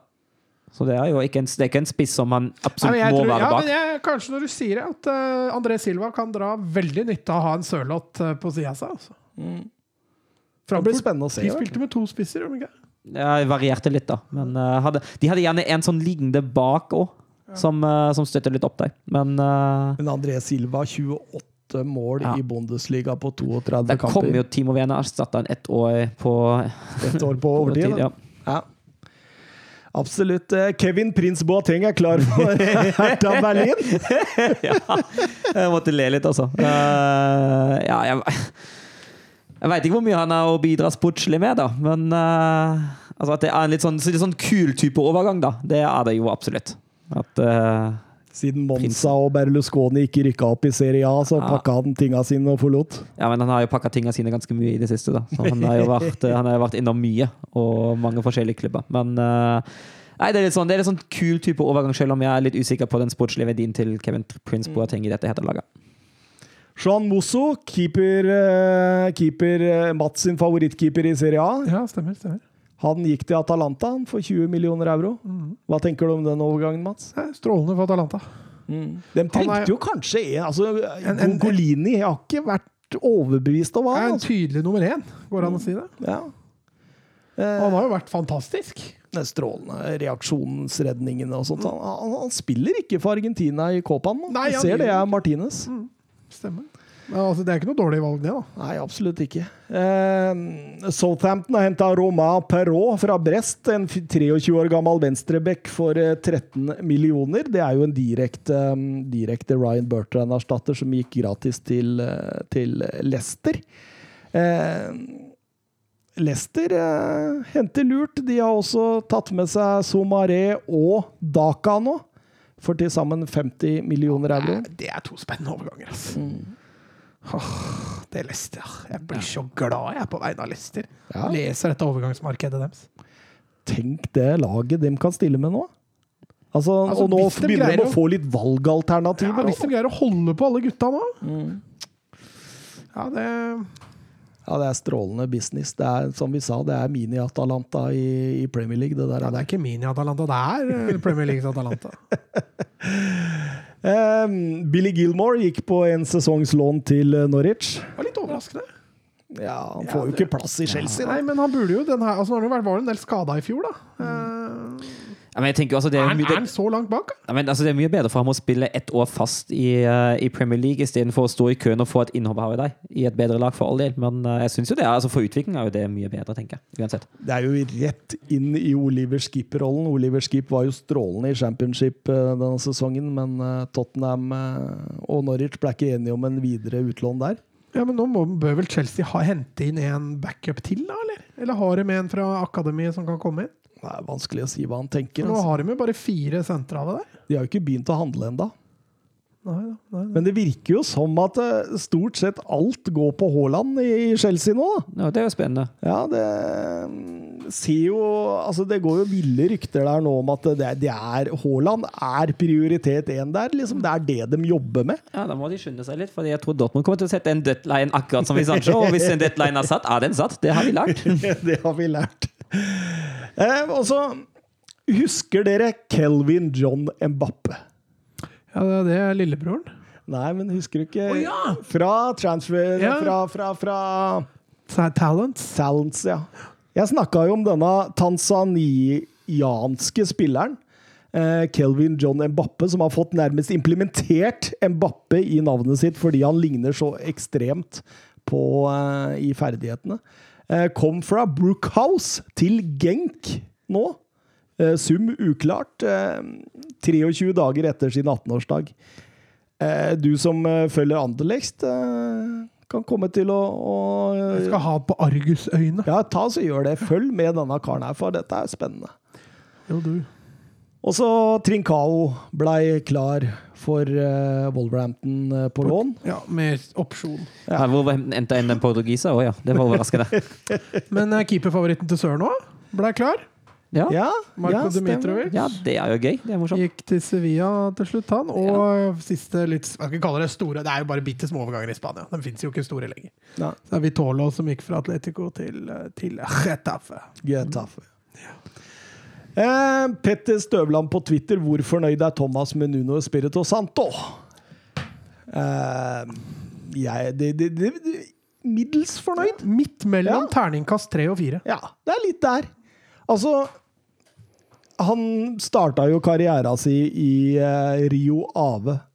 Der hadde han jo to sesonger. Oppnådde to eh, hjemlige cuper og Europa League for første gang i klubbens historie. Eh, godt gjennomført det. I Valencia fikk han jo én sesong på seg, eller én sesong og noen måneder, for han gikk jo ganske tidlig av den andre. Der fikk han en fjerdeplass med Jeg tror det var eh, Otamendi og Mustafi som midtstoppere. Men det bare det er jo en prestasjon. Ja, men han fikk vel fyken. Han fikk fyken etter Ja. en dårlig start på neste sesong, ja, fordi han skrev under en ettårskontrakt. Og så blei den forlenga, og så tok det et par måneder, og så fikk han fyken. Eh, I Wolverhampton så blei det jo opprykk. To sjuendeplasser på rad i Premier League og én trettendeplass. En trettendeplass som det var voldsomt mye skadeproblemer i.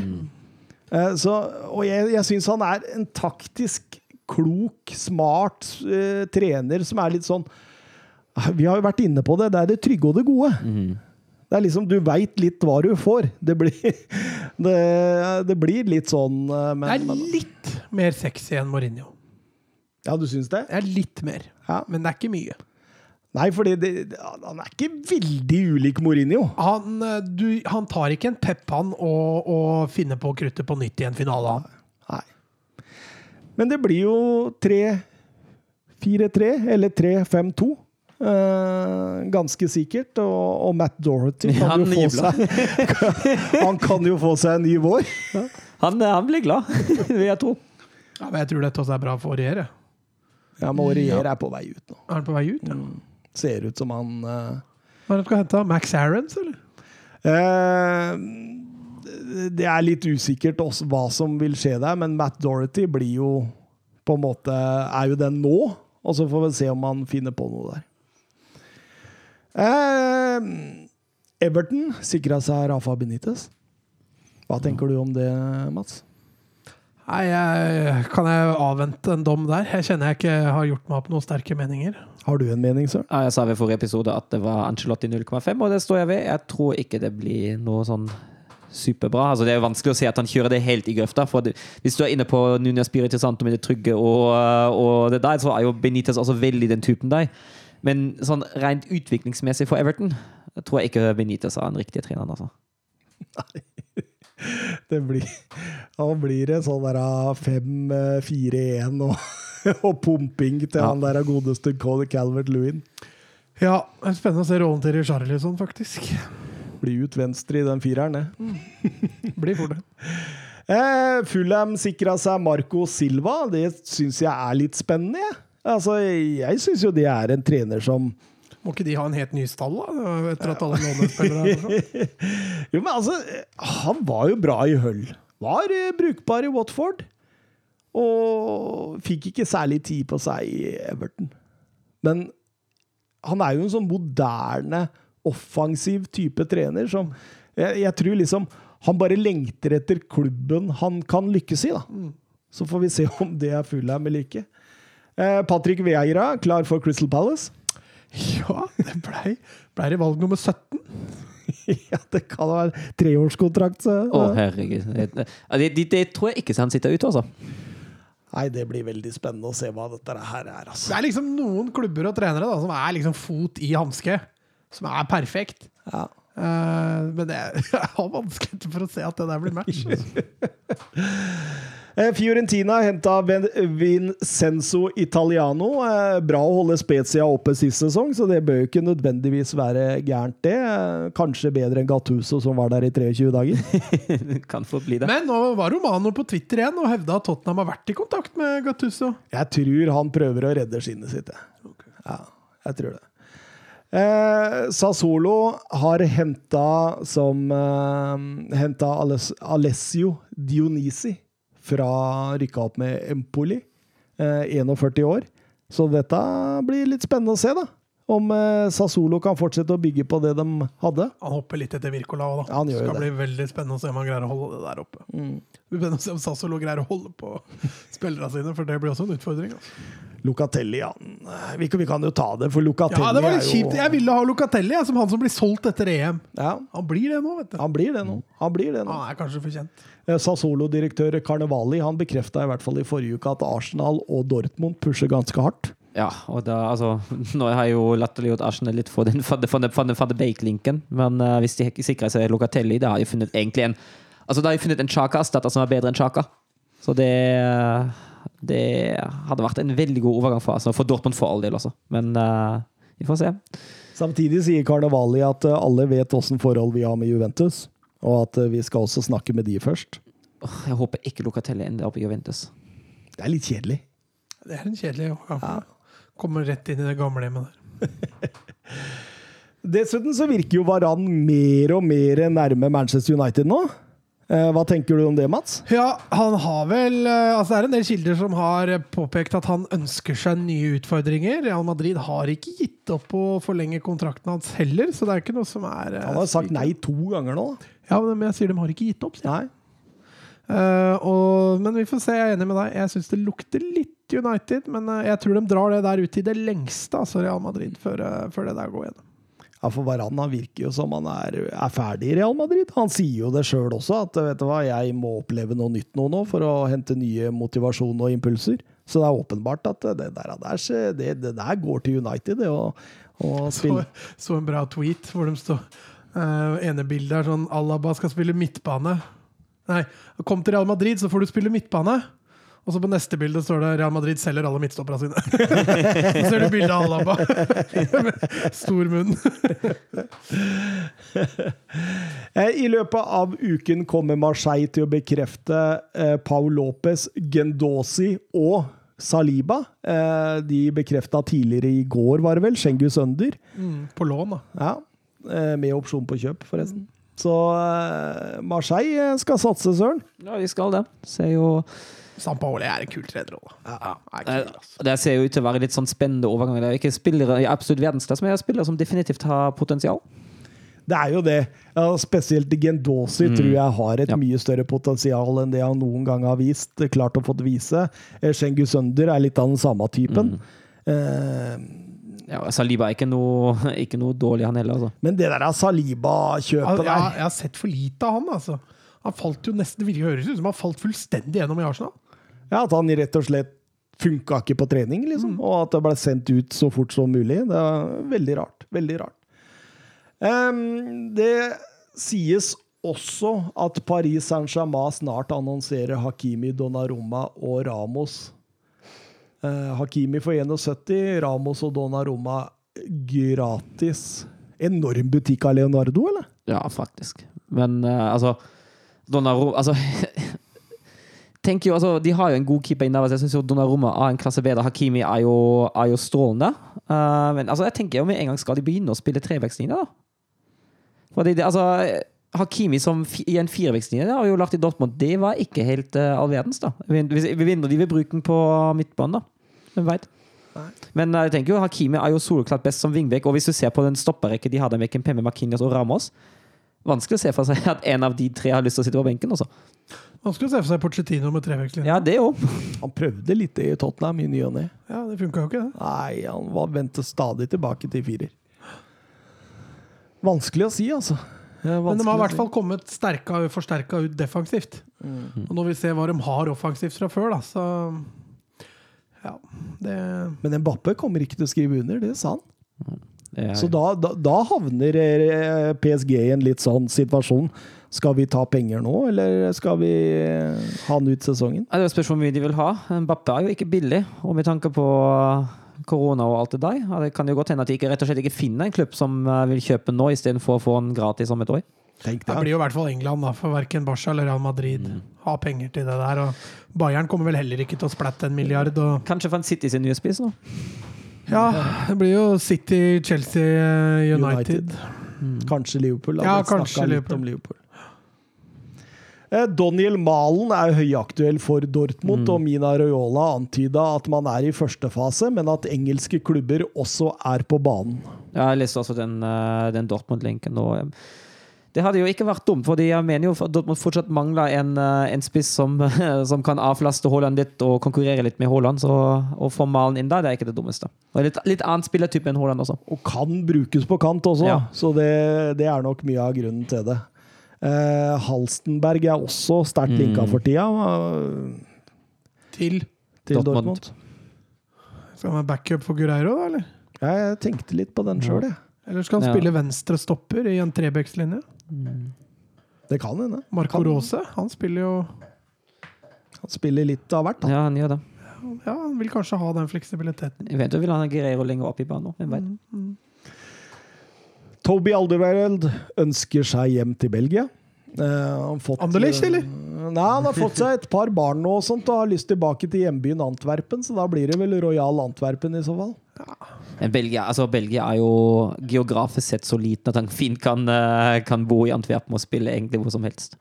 Ja, og, og Tottenham har jo for så vidt sagt at ja, du skal få lov å dra hvis det rette dukker opp. Så eh, Tottenham ser jo ut til å bytte hele forsvarslinja si omtrent. og voldsomme linker nå. Eh, Tomiyasu fra, fra, fra Bologna virker nærmest å være klar. Denne Japan, japanske spilleren. Eh, det virker også som at de jager Joakim Andersen, Connor Cody og Milian Skriniar. Har de gitt opp Kondé?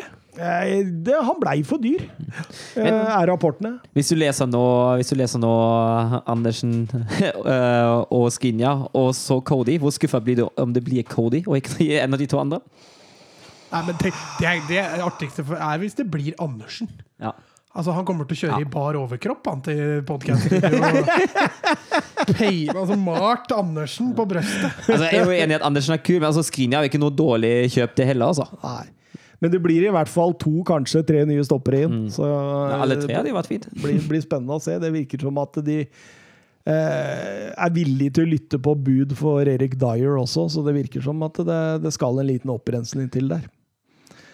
Eh, ifølge eh, The Telegraph er Declan Rice avslått to kontraktstilbud i Westham nå, og bedt Westham informere han om det kommer noe bud. Eh, Westham skal nekte plent å selge. Han har kontrakt fram til 2024, og det er Chelsea og Manchester United som er de mest aktuelle. Ja, og det er jo en litt spillertype som hadde passa perfekt inn i United, eh, som han hadde trengt Solskjær. En sånn balanserende type. Nå har jo Fred faktisk spilt seg inn på det brasilianske landslaget. Det er Helt utrolig. Men eh, ja, en, en Declan Rice inn der, det hadde vært godt for Solskjær. I hvert fall hvis han får på plass Varan og Sancho. Da mangler han da, mangler, da har han egentlig det meste, altså. Da må For å han en skikkelig spiss, da. Altså, Kavani er vel kanskje den de lener seg på, da. Ja, men Som Søren var inne på i forrige episode, ikke i 38 kamper pluss uh, cuper. Nei, men sånn som jeg var inne på, da. De har jo Greenwood bak der. sånn du var inne på. Ifølge Liverpool Echo er det ikke Tor Kjetil sin favoritt Florian Neuhaus som står øverst på lista til Klopp. Uh, Yven Besoma, Ryan Gravenberg er de to som uh, Klopp uh, ønsker seg.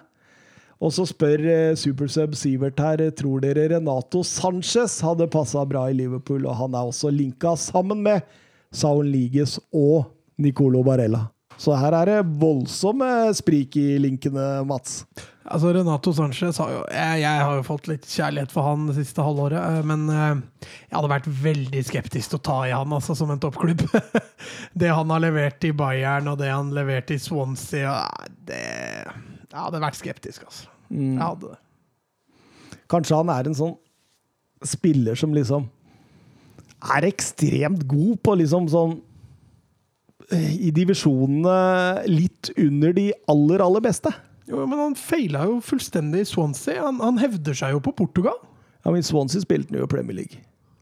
Ja, det gjorde han, stemmer. Uh, I Lill har han jo fått det til igjen. Han var god i, i Portugal. Han var svak i, i Bayern München. Eh, men det der, der handler litt om altså, Hvor mange ganger har man ikke sett store spillere mislykkes i én klubb, og så kommer man til en annen klubb, og så faller brikkene på plass? Ja, men altså, det, hadde vært greit hvis det bare var Bayern.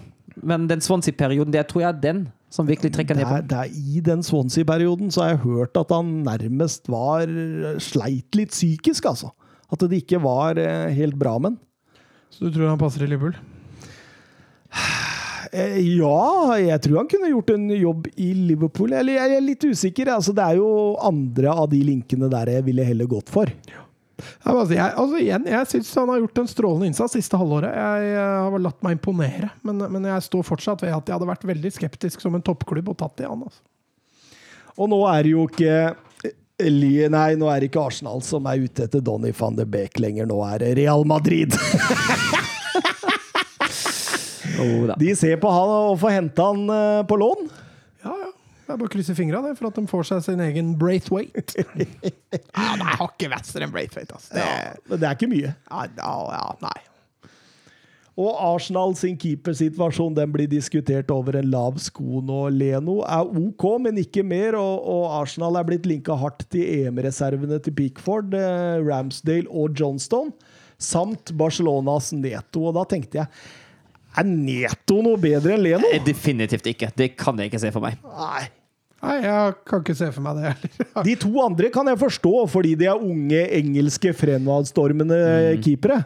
Eh, som på en måte da, da, da setter du i gang Vi har jo snakka litt om at Arsenal nå kommer til å slutte å hente Aubameyang, de kommer til å slutte å hente Party. Nå, nå virker det som at de har trekket det ned litt, og så skal de utvikle litt mer og få litt mer ungt fundament i laget. da. Eh, ikke bruke så voldsomt mye penger på overganger. Virker nesten at de har gått litt dit, og da, da er jo en Ramsdale og en, en, eh, en eh, Johnston bra. Men Neto, da falt jeg sammen. Ja, ikke er han ung, og ikke er han bra. Så det, det jeg sjekka ingen av boksene. Tror du Arteta sitter og lurer på hvorfor han Jeg tror ikke han visste det litt på forhånd. Ja, Han har vært i, vært i Arsenal eh, så lenge som han var. og Ja, men samtidig altså, det, Da burde man jo ikke solgt den, hvis man visste dette. Solgt hvem? Martinez. Å ja, sånn, ja. ja. Å, ja så, å, du tenker overfor Martinez, ja. Ja, Ja, men det sa vi jo før denne sesongen. Har de solgt feil keeper? det har de jo. Og det har de jo. Det er jo ingen tvil om. Så det kan vi jo konkludere. Kunne vi konkludert med jul forrige, i fjor. Eh, nå, nå er det en liten morsom greie her, skjønner du. Eh, dette her er litt, litt lættis. Fordi Paul Pogbas kontrakt med Manchester United den løper jo ut etter eh, neste sesong. Eh, Juventus og Allegri de vil gjerne benytte seg av dette. Og hente den nå til en OK sum, eller overtale Pogba til å ikke skrive en ny avtale, eller komme gratis over sommeren. ikke sant? Det er jo det det handler om nå for Manchester United. Og Juventus de er jo eksperter på gratisoverganger. ikke sant? Eh, Rabiot, Ramsey, Emre Khan, eh, Kedira, Kingsley Coman du, du, du, du kan bare nevne og nevne videre. ikke sant? Jorente i sin tid der. Um, så litt fun, da. Litt fun, dette her. Hente Pogba gratis fra Manchester United i 2012. Selge han tilbake til Manchester United for en milliard i 2016. For å hente han gratis tilbake igjen i 2022. Det er god butikk. Ja, det er god butikk! Hvor mye hadde vi ledd i 90 minutter om det hadde skjedd? en hel episode. Epis Ja. Episode 172. Det hadde bare blitt latter. Vi bare sitter sånn. Pogba. Juventus, ass. Beavis and Butthead, husker du? ja, det, hadde, det kunne blitt litt sånn, faktisk. Men hva tenker, eh, hva tenker dere om eh, Pogba? Tror du han skriver ny kontrakt, eller? Nei, det, jeg tør ikke å spekulere engang. Jeg har faktisk ikke peiling. Hvor, jeg har ikke lest noen rykter heller som jeg føler at det er til å stole på. heller. Altså føler jeg at Pogba er en sånn litt sånn uberegnelig type òg. Så det, det Ja, jeg er helt, det- enig. det- det- Han Mats. kunne fort ha fint å skrive en femårskontrakt. da. Ja. Og han kan like greit gå gratis til Valencia. ja. Ja, nå er det stort sett vært Juventus og, og Manchester United på den i ti år nå. Ja. Men jeg tror det handler jo litt Altså hvis Hvis jeg leser ham riktig, da. Uh, altså Hvis han får litt sånn større glamour og stjernestatus i Juventus, hvis de kan love ham det framfor United, da tror jeg han fort kan bli frista. For han, er sånn, han virker som en sånn type som trenger det litt, altså. Så har han jo Mino Raiola som agent. da. Jeg Ja. kjenner f- Det faller så mye ja, ja, det, er, det er ikke bra, vet du. Hvor mye av kaka klarer Mino Ja, ta? det er litt der jeg altså føler. Altså, hvis han tjener mest på en United-avtale, så kan det godt hende han blir. Altså, jeg føler Raiola er liksom den store, stygge ulven. eh, Han har blitt det. Har blitt det. På Twitter spør Oskar Carveio Holm hva skjer med Messi, Mats? Ja, det kan du jaggu lure på. Nå var han gratis og fri og frank. Han tjener ikke ei krone nå i Barcelona, faktisk. For nå er han uten kontrakt. Hadde du spurt meg for en ukes tid siden, så hadde jeg svart at han signerer ny kontrakt. Uh, her om dagen så leste jeg noen skumle PSG-rykter. Som har gjort meg litt mer usikker, men eh, fortsatt så heller jeg mot altså, at han blir ny kontrakt på Messi. Det er ganske sjukt når du går inn på, på uh, Transfermark nå, så, ser du, så trykker du på Lionel Messi, og så står det 'Without Club'. Det er litt sjukt.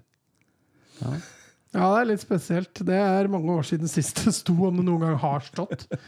uh, men, men hvis det er én klubb som klarer å snatche Messi, så er det, det er det PSG. Tenk det, ja. Neymar og Mbappe og Messi på topp. Ja, det er grei, det er grei skuring. Med en Hakimi oppover den ene kanten og. Ja, så Verratti som durer rundt på midten der. Og så har du Kim McKinney og Ramas i midtforsvar og Donnarumma i mål. Å, herregud, altså.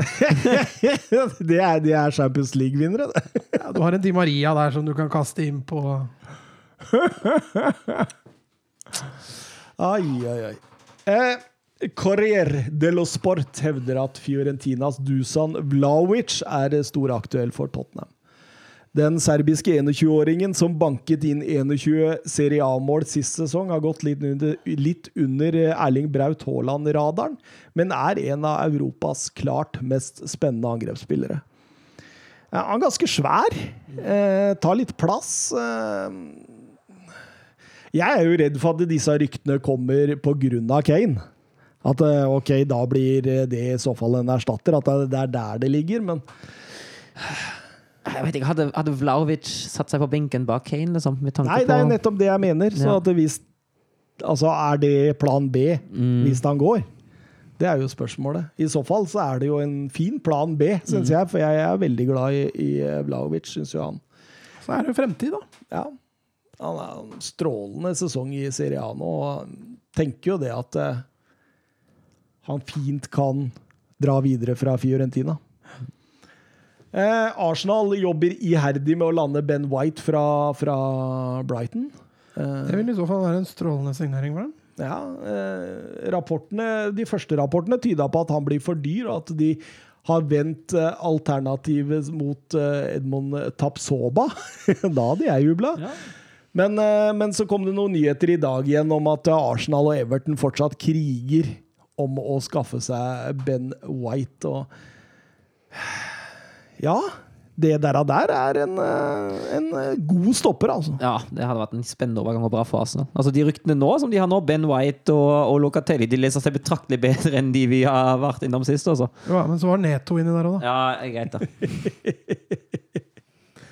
Du får holde dem på jorda, Søren. Du må ikke la Mens det virker som Leverkosen ikke ønsker seg å kvitte seg med midtstoppere. De vil ha Kabak og Ajer, er de linka til nå. Ja, jeg, jeg leste også at det var relevant. Jeg er litt usikker på om han hadde hefta seg i uh, Leverkosen, egentlig. Uh, Kabak eh, trenger jo egentlig å komme litt i gang igjen med sin karriere, tror jeg. Altså, jeg tror Kabak er nå på et eh, på et veiskille uh, og må kanskje havne på i en sånn evig talentboks, eller ikke. Så neste, neste bør sitte for ham, altså. Han har ikke, har ikke vært voldsomt imponerende i Liverpool, Nei. nei. Enig. Han ikke det. Og han, eh, altså Så var han jo del av eh, det dårligste Schalke-året- Schalke- Schalke-laget på 40 år, så um, AC Milan de lurer jo veldig på hvem de skal erstatte Shanaloglu ved.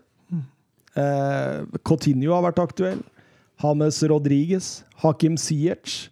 Uh, eh, hva tenker vi? Tadic snakker de om her. Det er jo lov å håpe at de tar Coutinho, da. ja.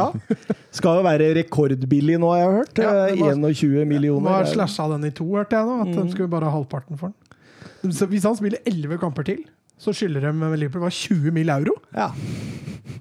bare ikke bruk mer.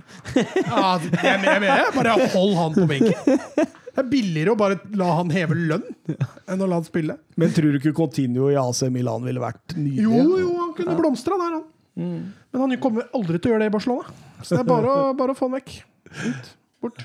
Fort, fort vekk. Fort vekk. bort. Men også de andre, altså Tadic syns jeg er litt rar i den, i den mølja der. Men også de andre du nevnte, jeg tror jo altså alle de kunne spilt en fin rolle som Chalanolo-erstatter.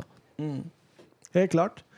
Eh, Gazello Dello Sport hevder at Juventus vil ta til takke med 25 millioner euro for Ronaldo i sommer dersom de ikke får ny kontrakt på han. Og Ja, det handler vel vel så mye om å kvitte seg med lønnskostnadene, da, altså. Mm. Tror jeg. For det, da, er det, da er det enda et stort beløp oppå de 25 millioner som Juventus vinner på.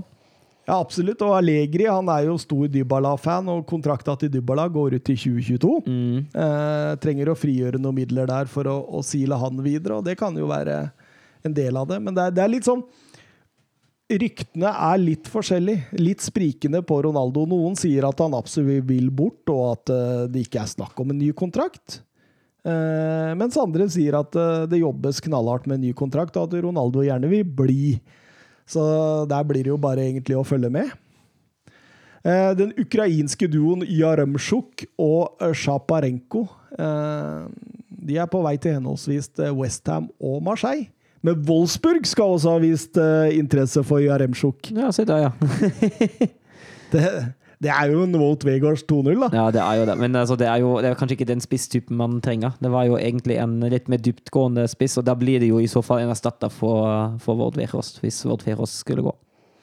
Brekkalo er linka vekk òg. Ja, Brekkalo linka vekk hver eneste, har vært linka vekk hvert eneste vindu de siste to åra, så det er jo ikke noe nytt. Og da tenker jeg som i Brekkalo Litt faen av spilleren på sitt toppnivå, men toppnivået kommer litt for sjeldent. Og hvis det kommer, kommer et høyt nok bud er ikke, altså Jeg tenker at da er det greit, men uh, samtidig tenker jeg på Schmatkes uh, Hva er høyt nok for deg? Jeg vet ikke, må, må gjerne være et uh, 20, 20 millionstall, altså. Det er det som blir spekulert òg, av Inter Milan 20 millioner. Ja, gjerne litt mer enn 20 millioner. Altså. Så sånn, opp, opp, der begynner vi å snakke. Mm. Men gjerne 25 år. Jeg tenker jo han er ung og, og lovende og har stort potensial. Mm. Men uh, så har jo Schmatkes ferdigheter til å finne kantspillere har jo ikke vist seg å være på toppnivå. Det er jo virkelig den store svaken i den troppen, så litt bekymret blir jeg jo når vi selger enda en kant med, med kvaliteter og ikke har hentet inn noen nye. Jens Petter Hauge kan være på vei til Eintracht Frankfurt. Nei, jeg så det. Men uh, budet var vel litt for lavt. De budde vel mellom 8 og 9 millioner euro. Uh, Milan vil vel ha rundt 11-12. Ja. Ja. Men det er ikke langt unna, Nei, så hvis det, det stemmer, så er det jo Kan da gå i orden. ja. Det virker som at Wolfsburg har trukket seg litt ut av det. Ut ifra det jeg leste, var det Frankfurt og noen franske klubber som var interesserte. Mm, mm. Didrik Tofte Nilsen han spør på Twitter han, om uh, Newcastle buyout. ja, fordi det har jo blitt litt Altså, Amanda Stavely og denne saudi-arabiske backacon Sortume, de har jo lova nå å sette himmel og jord i bevegelse for å kjøpe eh, Newcastle. Eh, trukket inn til retten. Høringen foregår bak lukkede dører, så det er lite info utad. Men eh, advokat Nick Di Marco hevder at det virker lovende. Eh, en Newcastle-podkast som heter The Everything Is Black and White, som sikkert eh, mange norske Newcastle-supportere hører på, eh, melder eh, at hosten der, altså hosten der sier at overtagelse kan skje før sesongen, men sjansene er størst for at dette kommer til å drøye videre også. Så same old story. Men sitter vi ikke her hver sommer og tar dette her, da? ja, Dette her blir sånn der, eh, tradisjon, dette. ja, fast spalte, var det ikke så, Mats? Ja. Trenger snart vår egen intromusikk til det nå. Rodrigo de Paul blir annonsert som Atletico Madrid-spiller når han kommer hjem fra Kåpan. Alt er eh, pakket og klart. Pakket og klart? Mm. Hva? Ser, ser du jeg drifta ut der? Ja, du gjorde det! Hva er det? Du har drevet noe voldsomt på Ja, jeg, fikk, telefonen jeg fikk en melding til jeg måtte bare dobbeltsjekke i forhold til jobben i morgen. Beklager. beklager. Det, det, det er ikke Søren med, med koronastikk i armen som drifter ut, det er Mats Granvold. Det, Du kjenner jo meg, multitaskens konge. Ja, du ja. Du er jo helt enorm på dette. Men eh, på Twitter spør Alex Andreball. Jeg hører det ene og det andre om hva Kamavinga er som spiller, og hvilken rolle han har i renn. Kan dere prøve å gjøre meg litt klokere på typen? Ja, det er jo et spørsmål som er destinert til deg, da, Thomas. Det er jo du som har hatt den som ukas talent òg. Ja, ja, ja, jeg Ja, han er fortsatt litt udefinert. Er du ikke enig i det? Jo, men altså ja, Kamavingo han, han, han er jo først og fremst en dynamo. Ikke sant? Han er en sånn eh, Altså, han er ikke så stor av vekst, ikke så kraftig. Han er 2002-modell, så ganske ung. Eh, men likevel voksen i spillestilen. Han er eh, Altså, han kan både være the creator og the destroyer på en og samme gang. Og med det så mener jeg at han kan både takle, løpe opp og bryte, men han kan også sette i gang angrep og være den kreative i forhold til det. Han er enorm arbeidsom, altså han er en enorm work rate. Eh, og jeg husker han i 1920-sesongen. Da spilte han jo veldig ofte som en holding, som en defensiv type i en sånn 4-4-2-opplegg, hvor han var den dype av de to sentrale på midten. Eh, var mye med i oppbygninga og, og stoppera så mye til han. I i, eh, forrige sesong så ble det forandra litt, for da, da forandra også renn formasjonen til en slags 4-3-3. Eh, hvor Kamavinga ofte var den høyre sentrale, altså en slags indreløper, en boks-til-boks-spiller. Eh, han, og det så du også på statistikken hans, hvordan han skapte flere sjanser, og han hadde flere avslutninger. Eh, han er jo en sånn taklingssterk, eh, aggressiv, energisk eh, driblefant som altså, Og og dermed, som Mats sier, også litt udefinert, fordi Eh, han har så mange styrker og så få svakheter, så du veit ikke helt ok, passer han som den defensive Kanté. Eller kan være den offensive Barella i tillegg, hvis du skjønner hva jeg mener. Ja, mener. Du som- veit ikke helt hvor du er der. Litt som Locatelli, da. Ja, ja, litt Locatelli. Litt Han er ikke som De Bruyne, i hvert fall. Det kan. Men um, jeg leste, jeg husker ikke om det var flest taklinger eller flest baller vunnet i topp fem-ligaene de to siste sesongene, men Kamavinga var topp tre.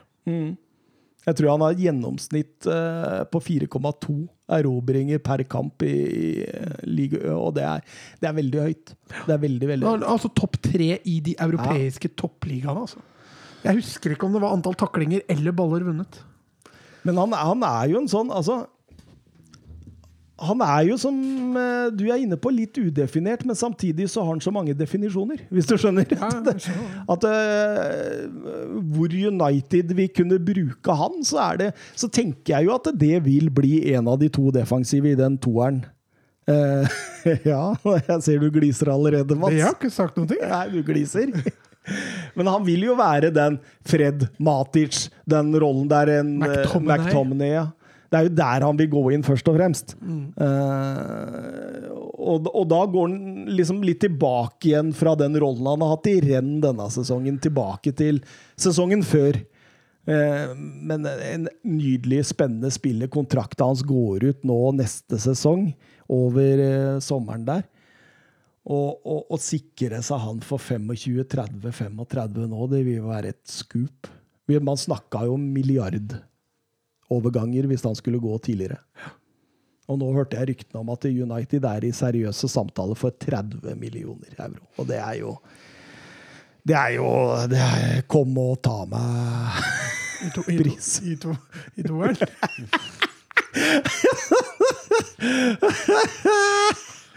Kom, kom og putt meg i toeren. Ja, ja nå snakker vi takk til deg, Mats. Eh, Vær så god, jeg drar hjem. Ja, det gjør vi alle snart. Et eh, par ting til. Eh, Danny Ings er litt i den samme båten som Kamavinga. Han har bare kontrakt over neste sommer og har avslått en deal på en ny fireårskontrakt. Og da, da er det noen klubber som sikkert begynner å røre seg.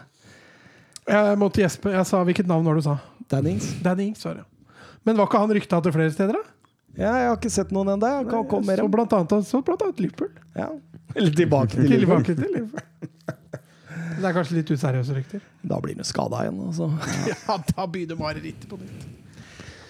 Men han kunne jo absolutt spille en, rolle i flere, en god rolle i flere Premier League-klubber. Definitivt. Mm, absolutt. Ja, han har jo fortsatt bare lyktes i 15, altså han burde vel kanskje skjønne at det her bør- Ja, han var brukbar i Burnley, stemmer det. Ja, nei, da kan han funke for det. Tar det tilbake. Lorenzo Insigne er, eh, er aktuell for både Tottenham og Barcelona. Barcelona eier jo ikke nåla i veggen, så han er jo bare aktuell for Tottenham. Godt oppsummert. Ja, da var vi egentlig gjennom mitt program. Ja. Er det noen som har noe å, å ta, ta opp? Ja, skulle vi ikke gå gjennom tiende serierunden av Eliteserien? Ja, vi begynner der, Ja, ja. vi begynner der. Lillestrøm Brann i første kamp. Tar den først. Ja men spilte ikke Lillestrøm mot Ja, men det er ellevte serierunde. Nå er Ja, vi ok. på tiende serierunde. Ja. Vi skal ta ellevte serierunde seinere. Men apropos Lillestrøm nå.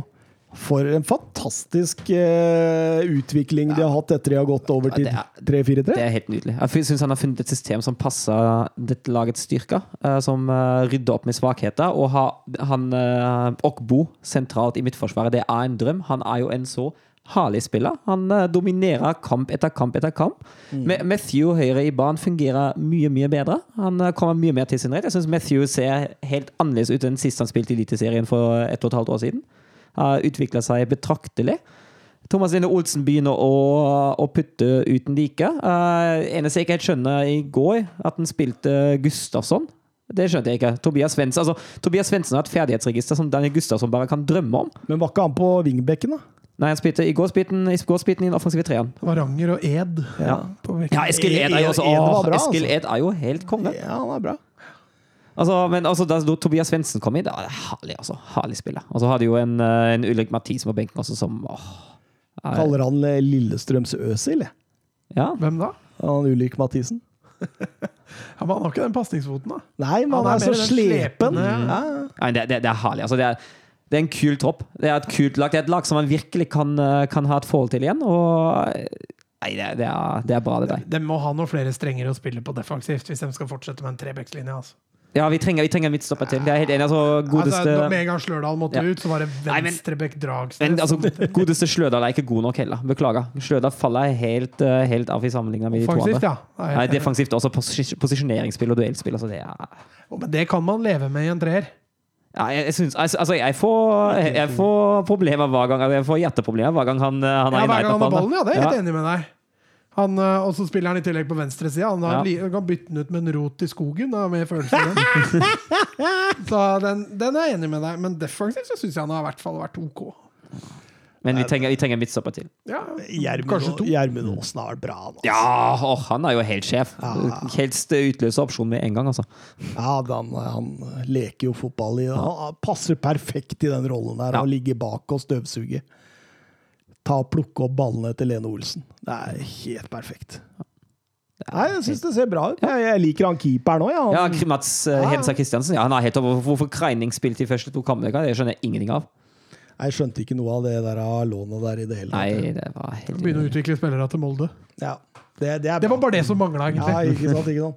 Har vi Men- solgt de beste til Molde i lang tid? Nå kan vi begynne å utvikle Men jeg vil, jeg vil jo tro at konkurransen i seg sjøl gjør jo Hedenstad Christiansen bedre òg. Ja. Ja. Men uh, han, er, han er helt kul. Så altså Jeg har sagt at han blir landslagskeeper. Jeg står Ja. med den der. ja. Nei, og så har man, Nå har, vel, uh, har vi vel 16 poeng etter hvor mange? Ni kamper? Tror jeg. Og det er jo, altså, nå kommer to tøffe med derby borte nå neste søndag, og så kommer Molde på besøk. og Det er jo to tøffe kamper. Men selv om man skulle gå ut med to tap, da har man fortsatt 16 poeng etter 11. og Da er man i full rute. Det er helt innafor. Det verste er at vi kan ta Vålerenga på Ja, ja, det kan det. Nå er optimismen for høy, så da må vi bryte.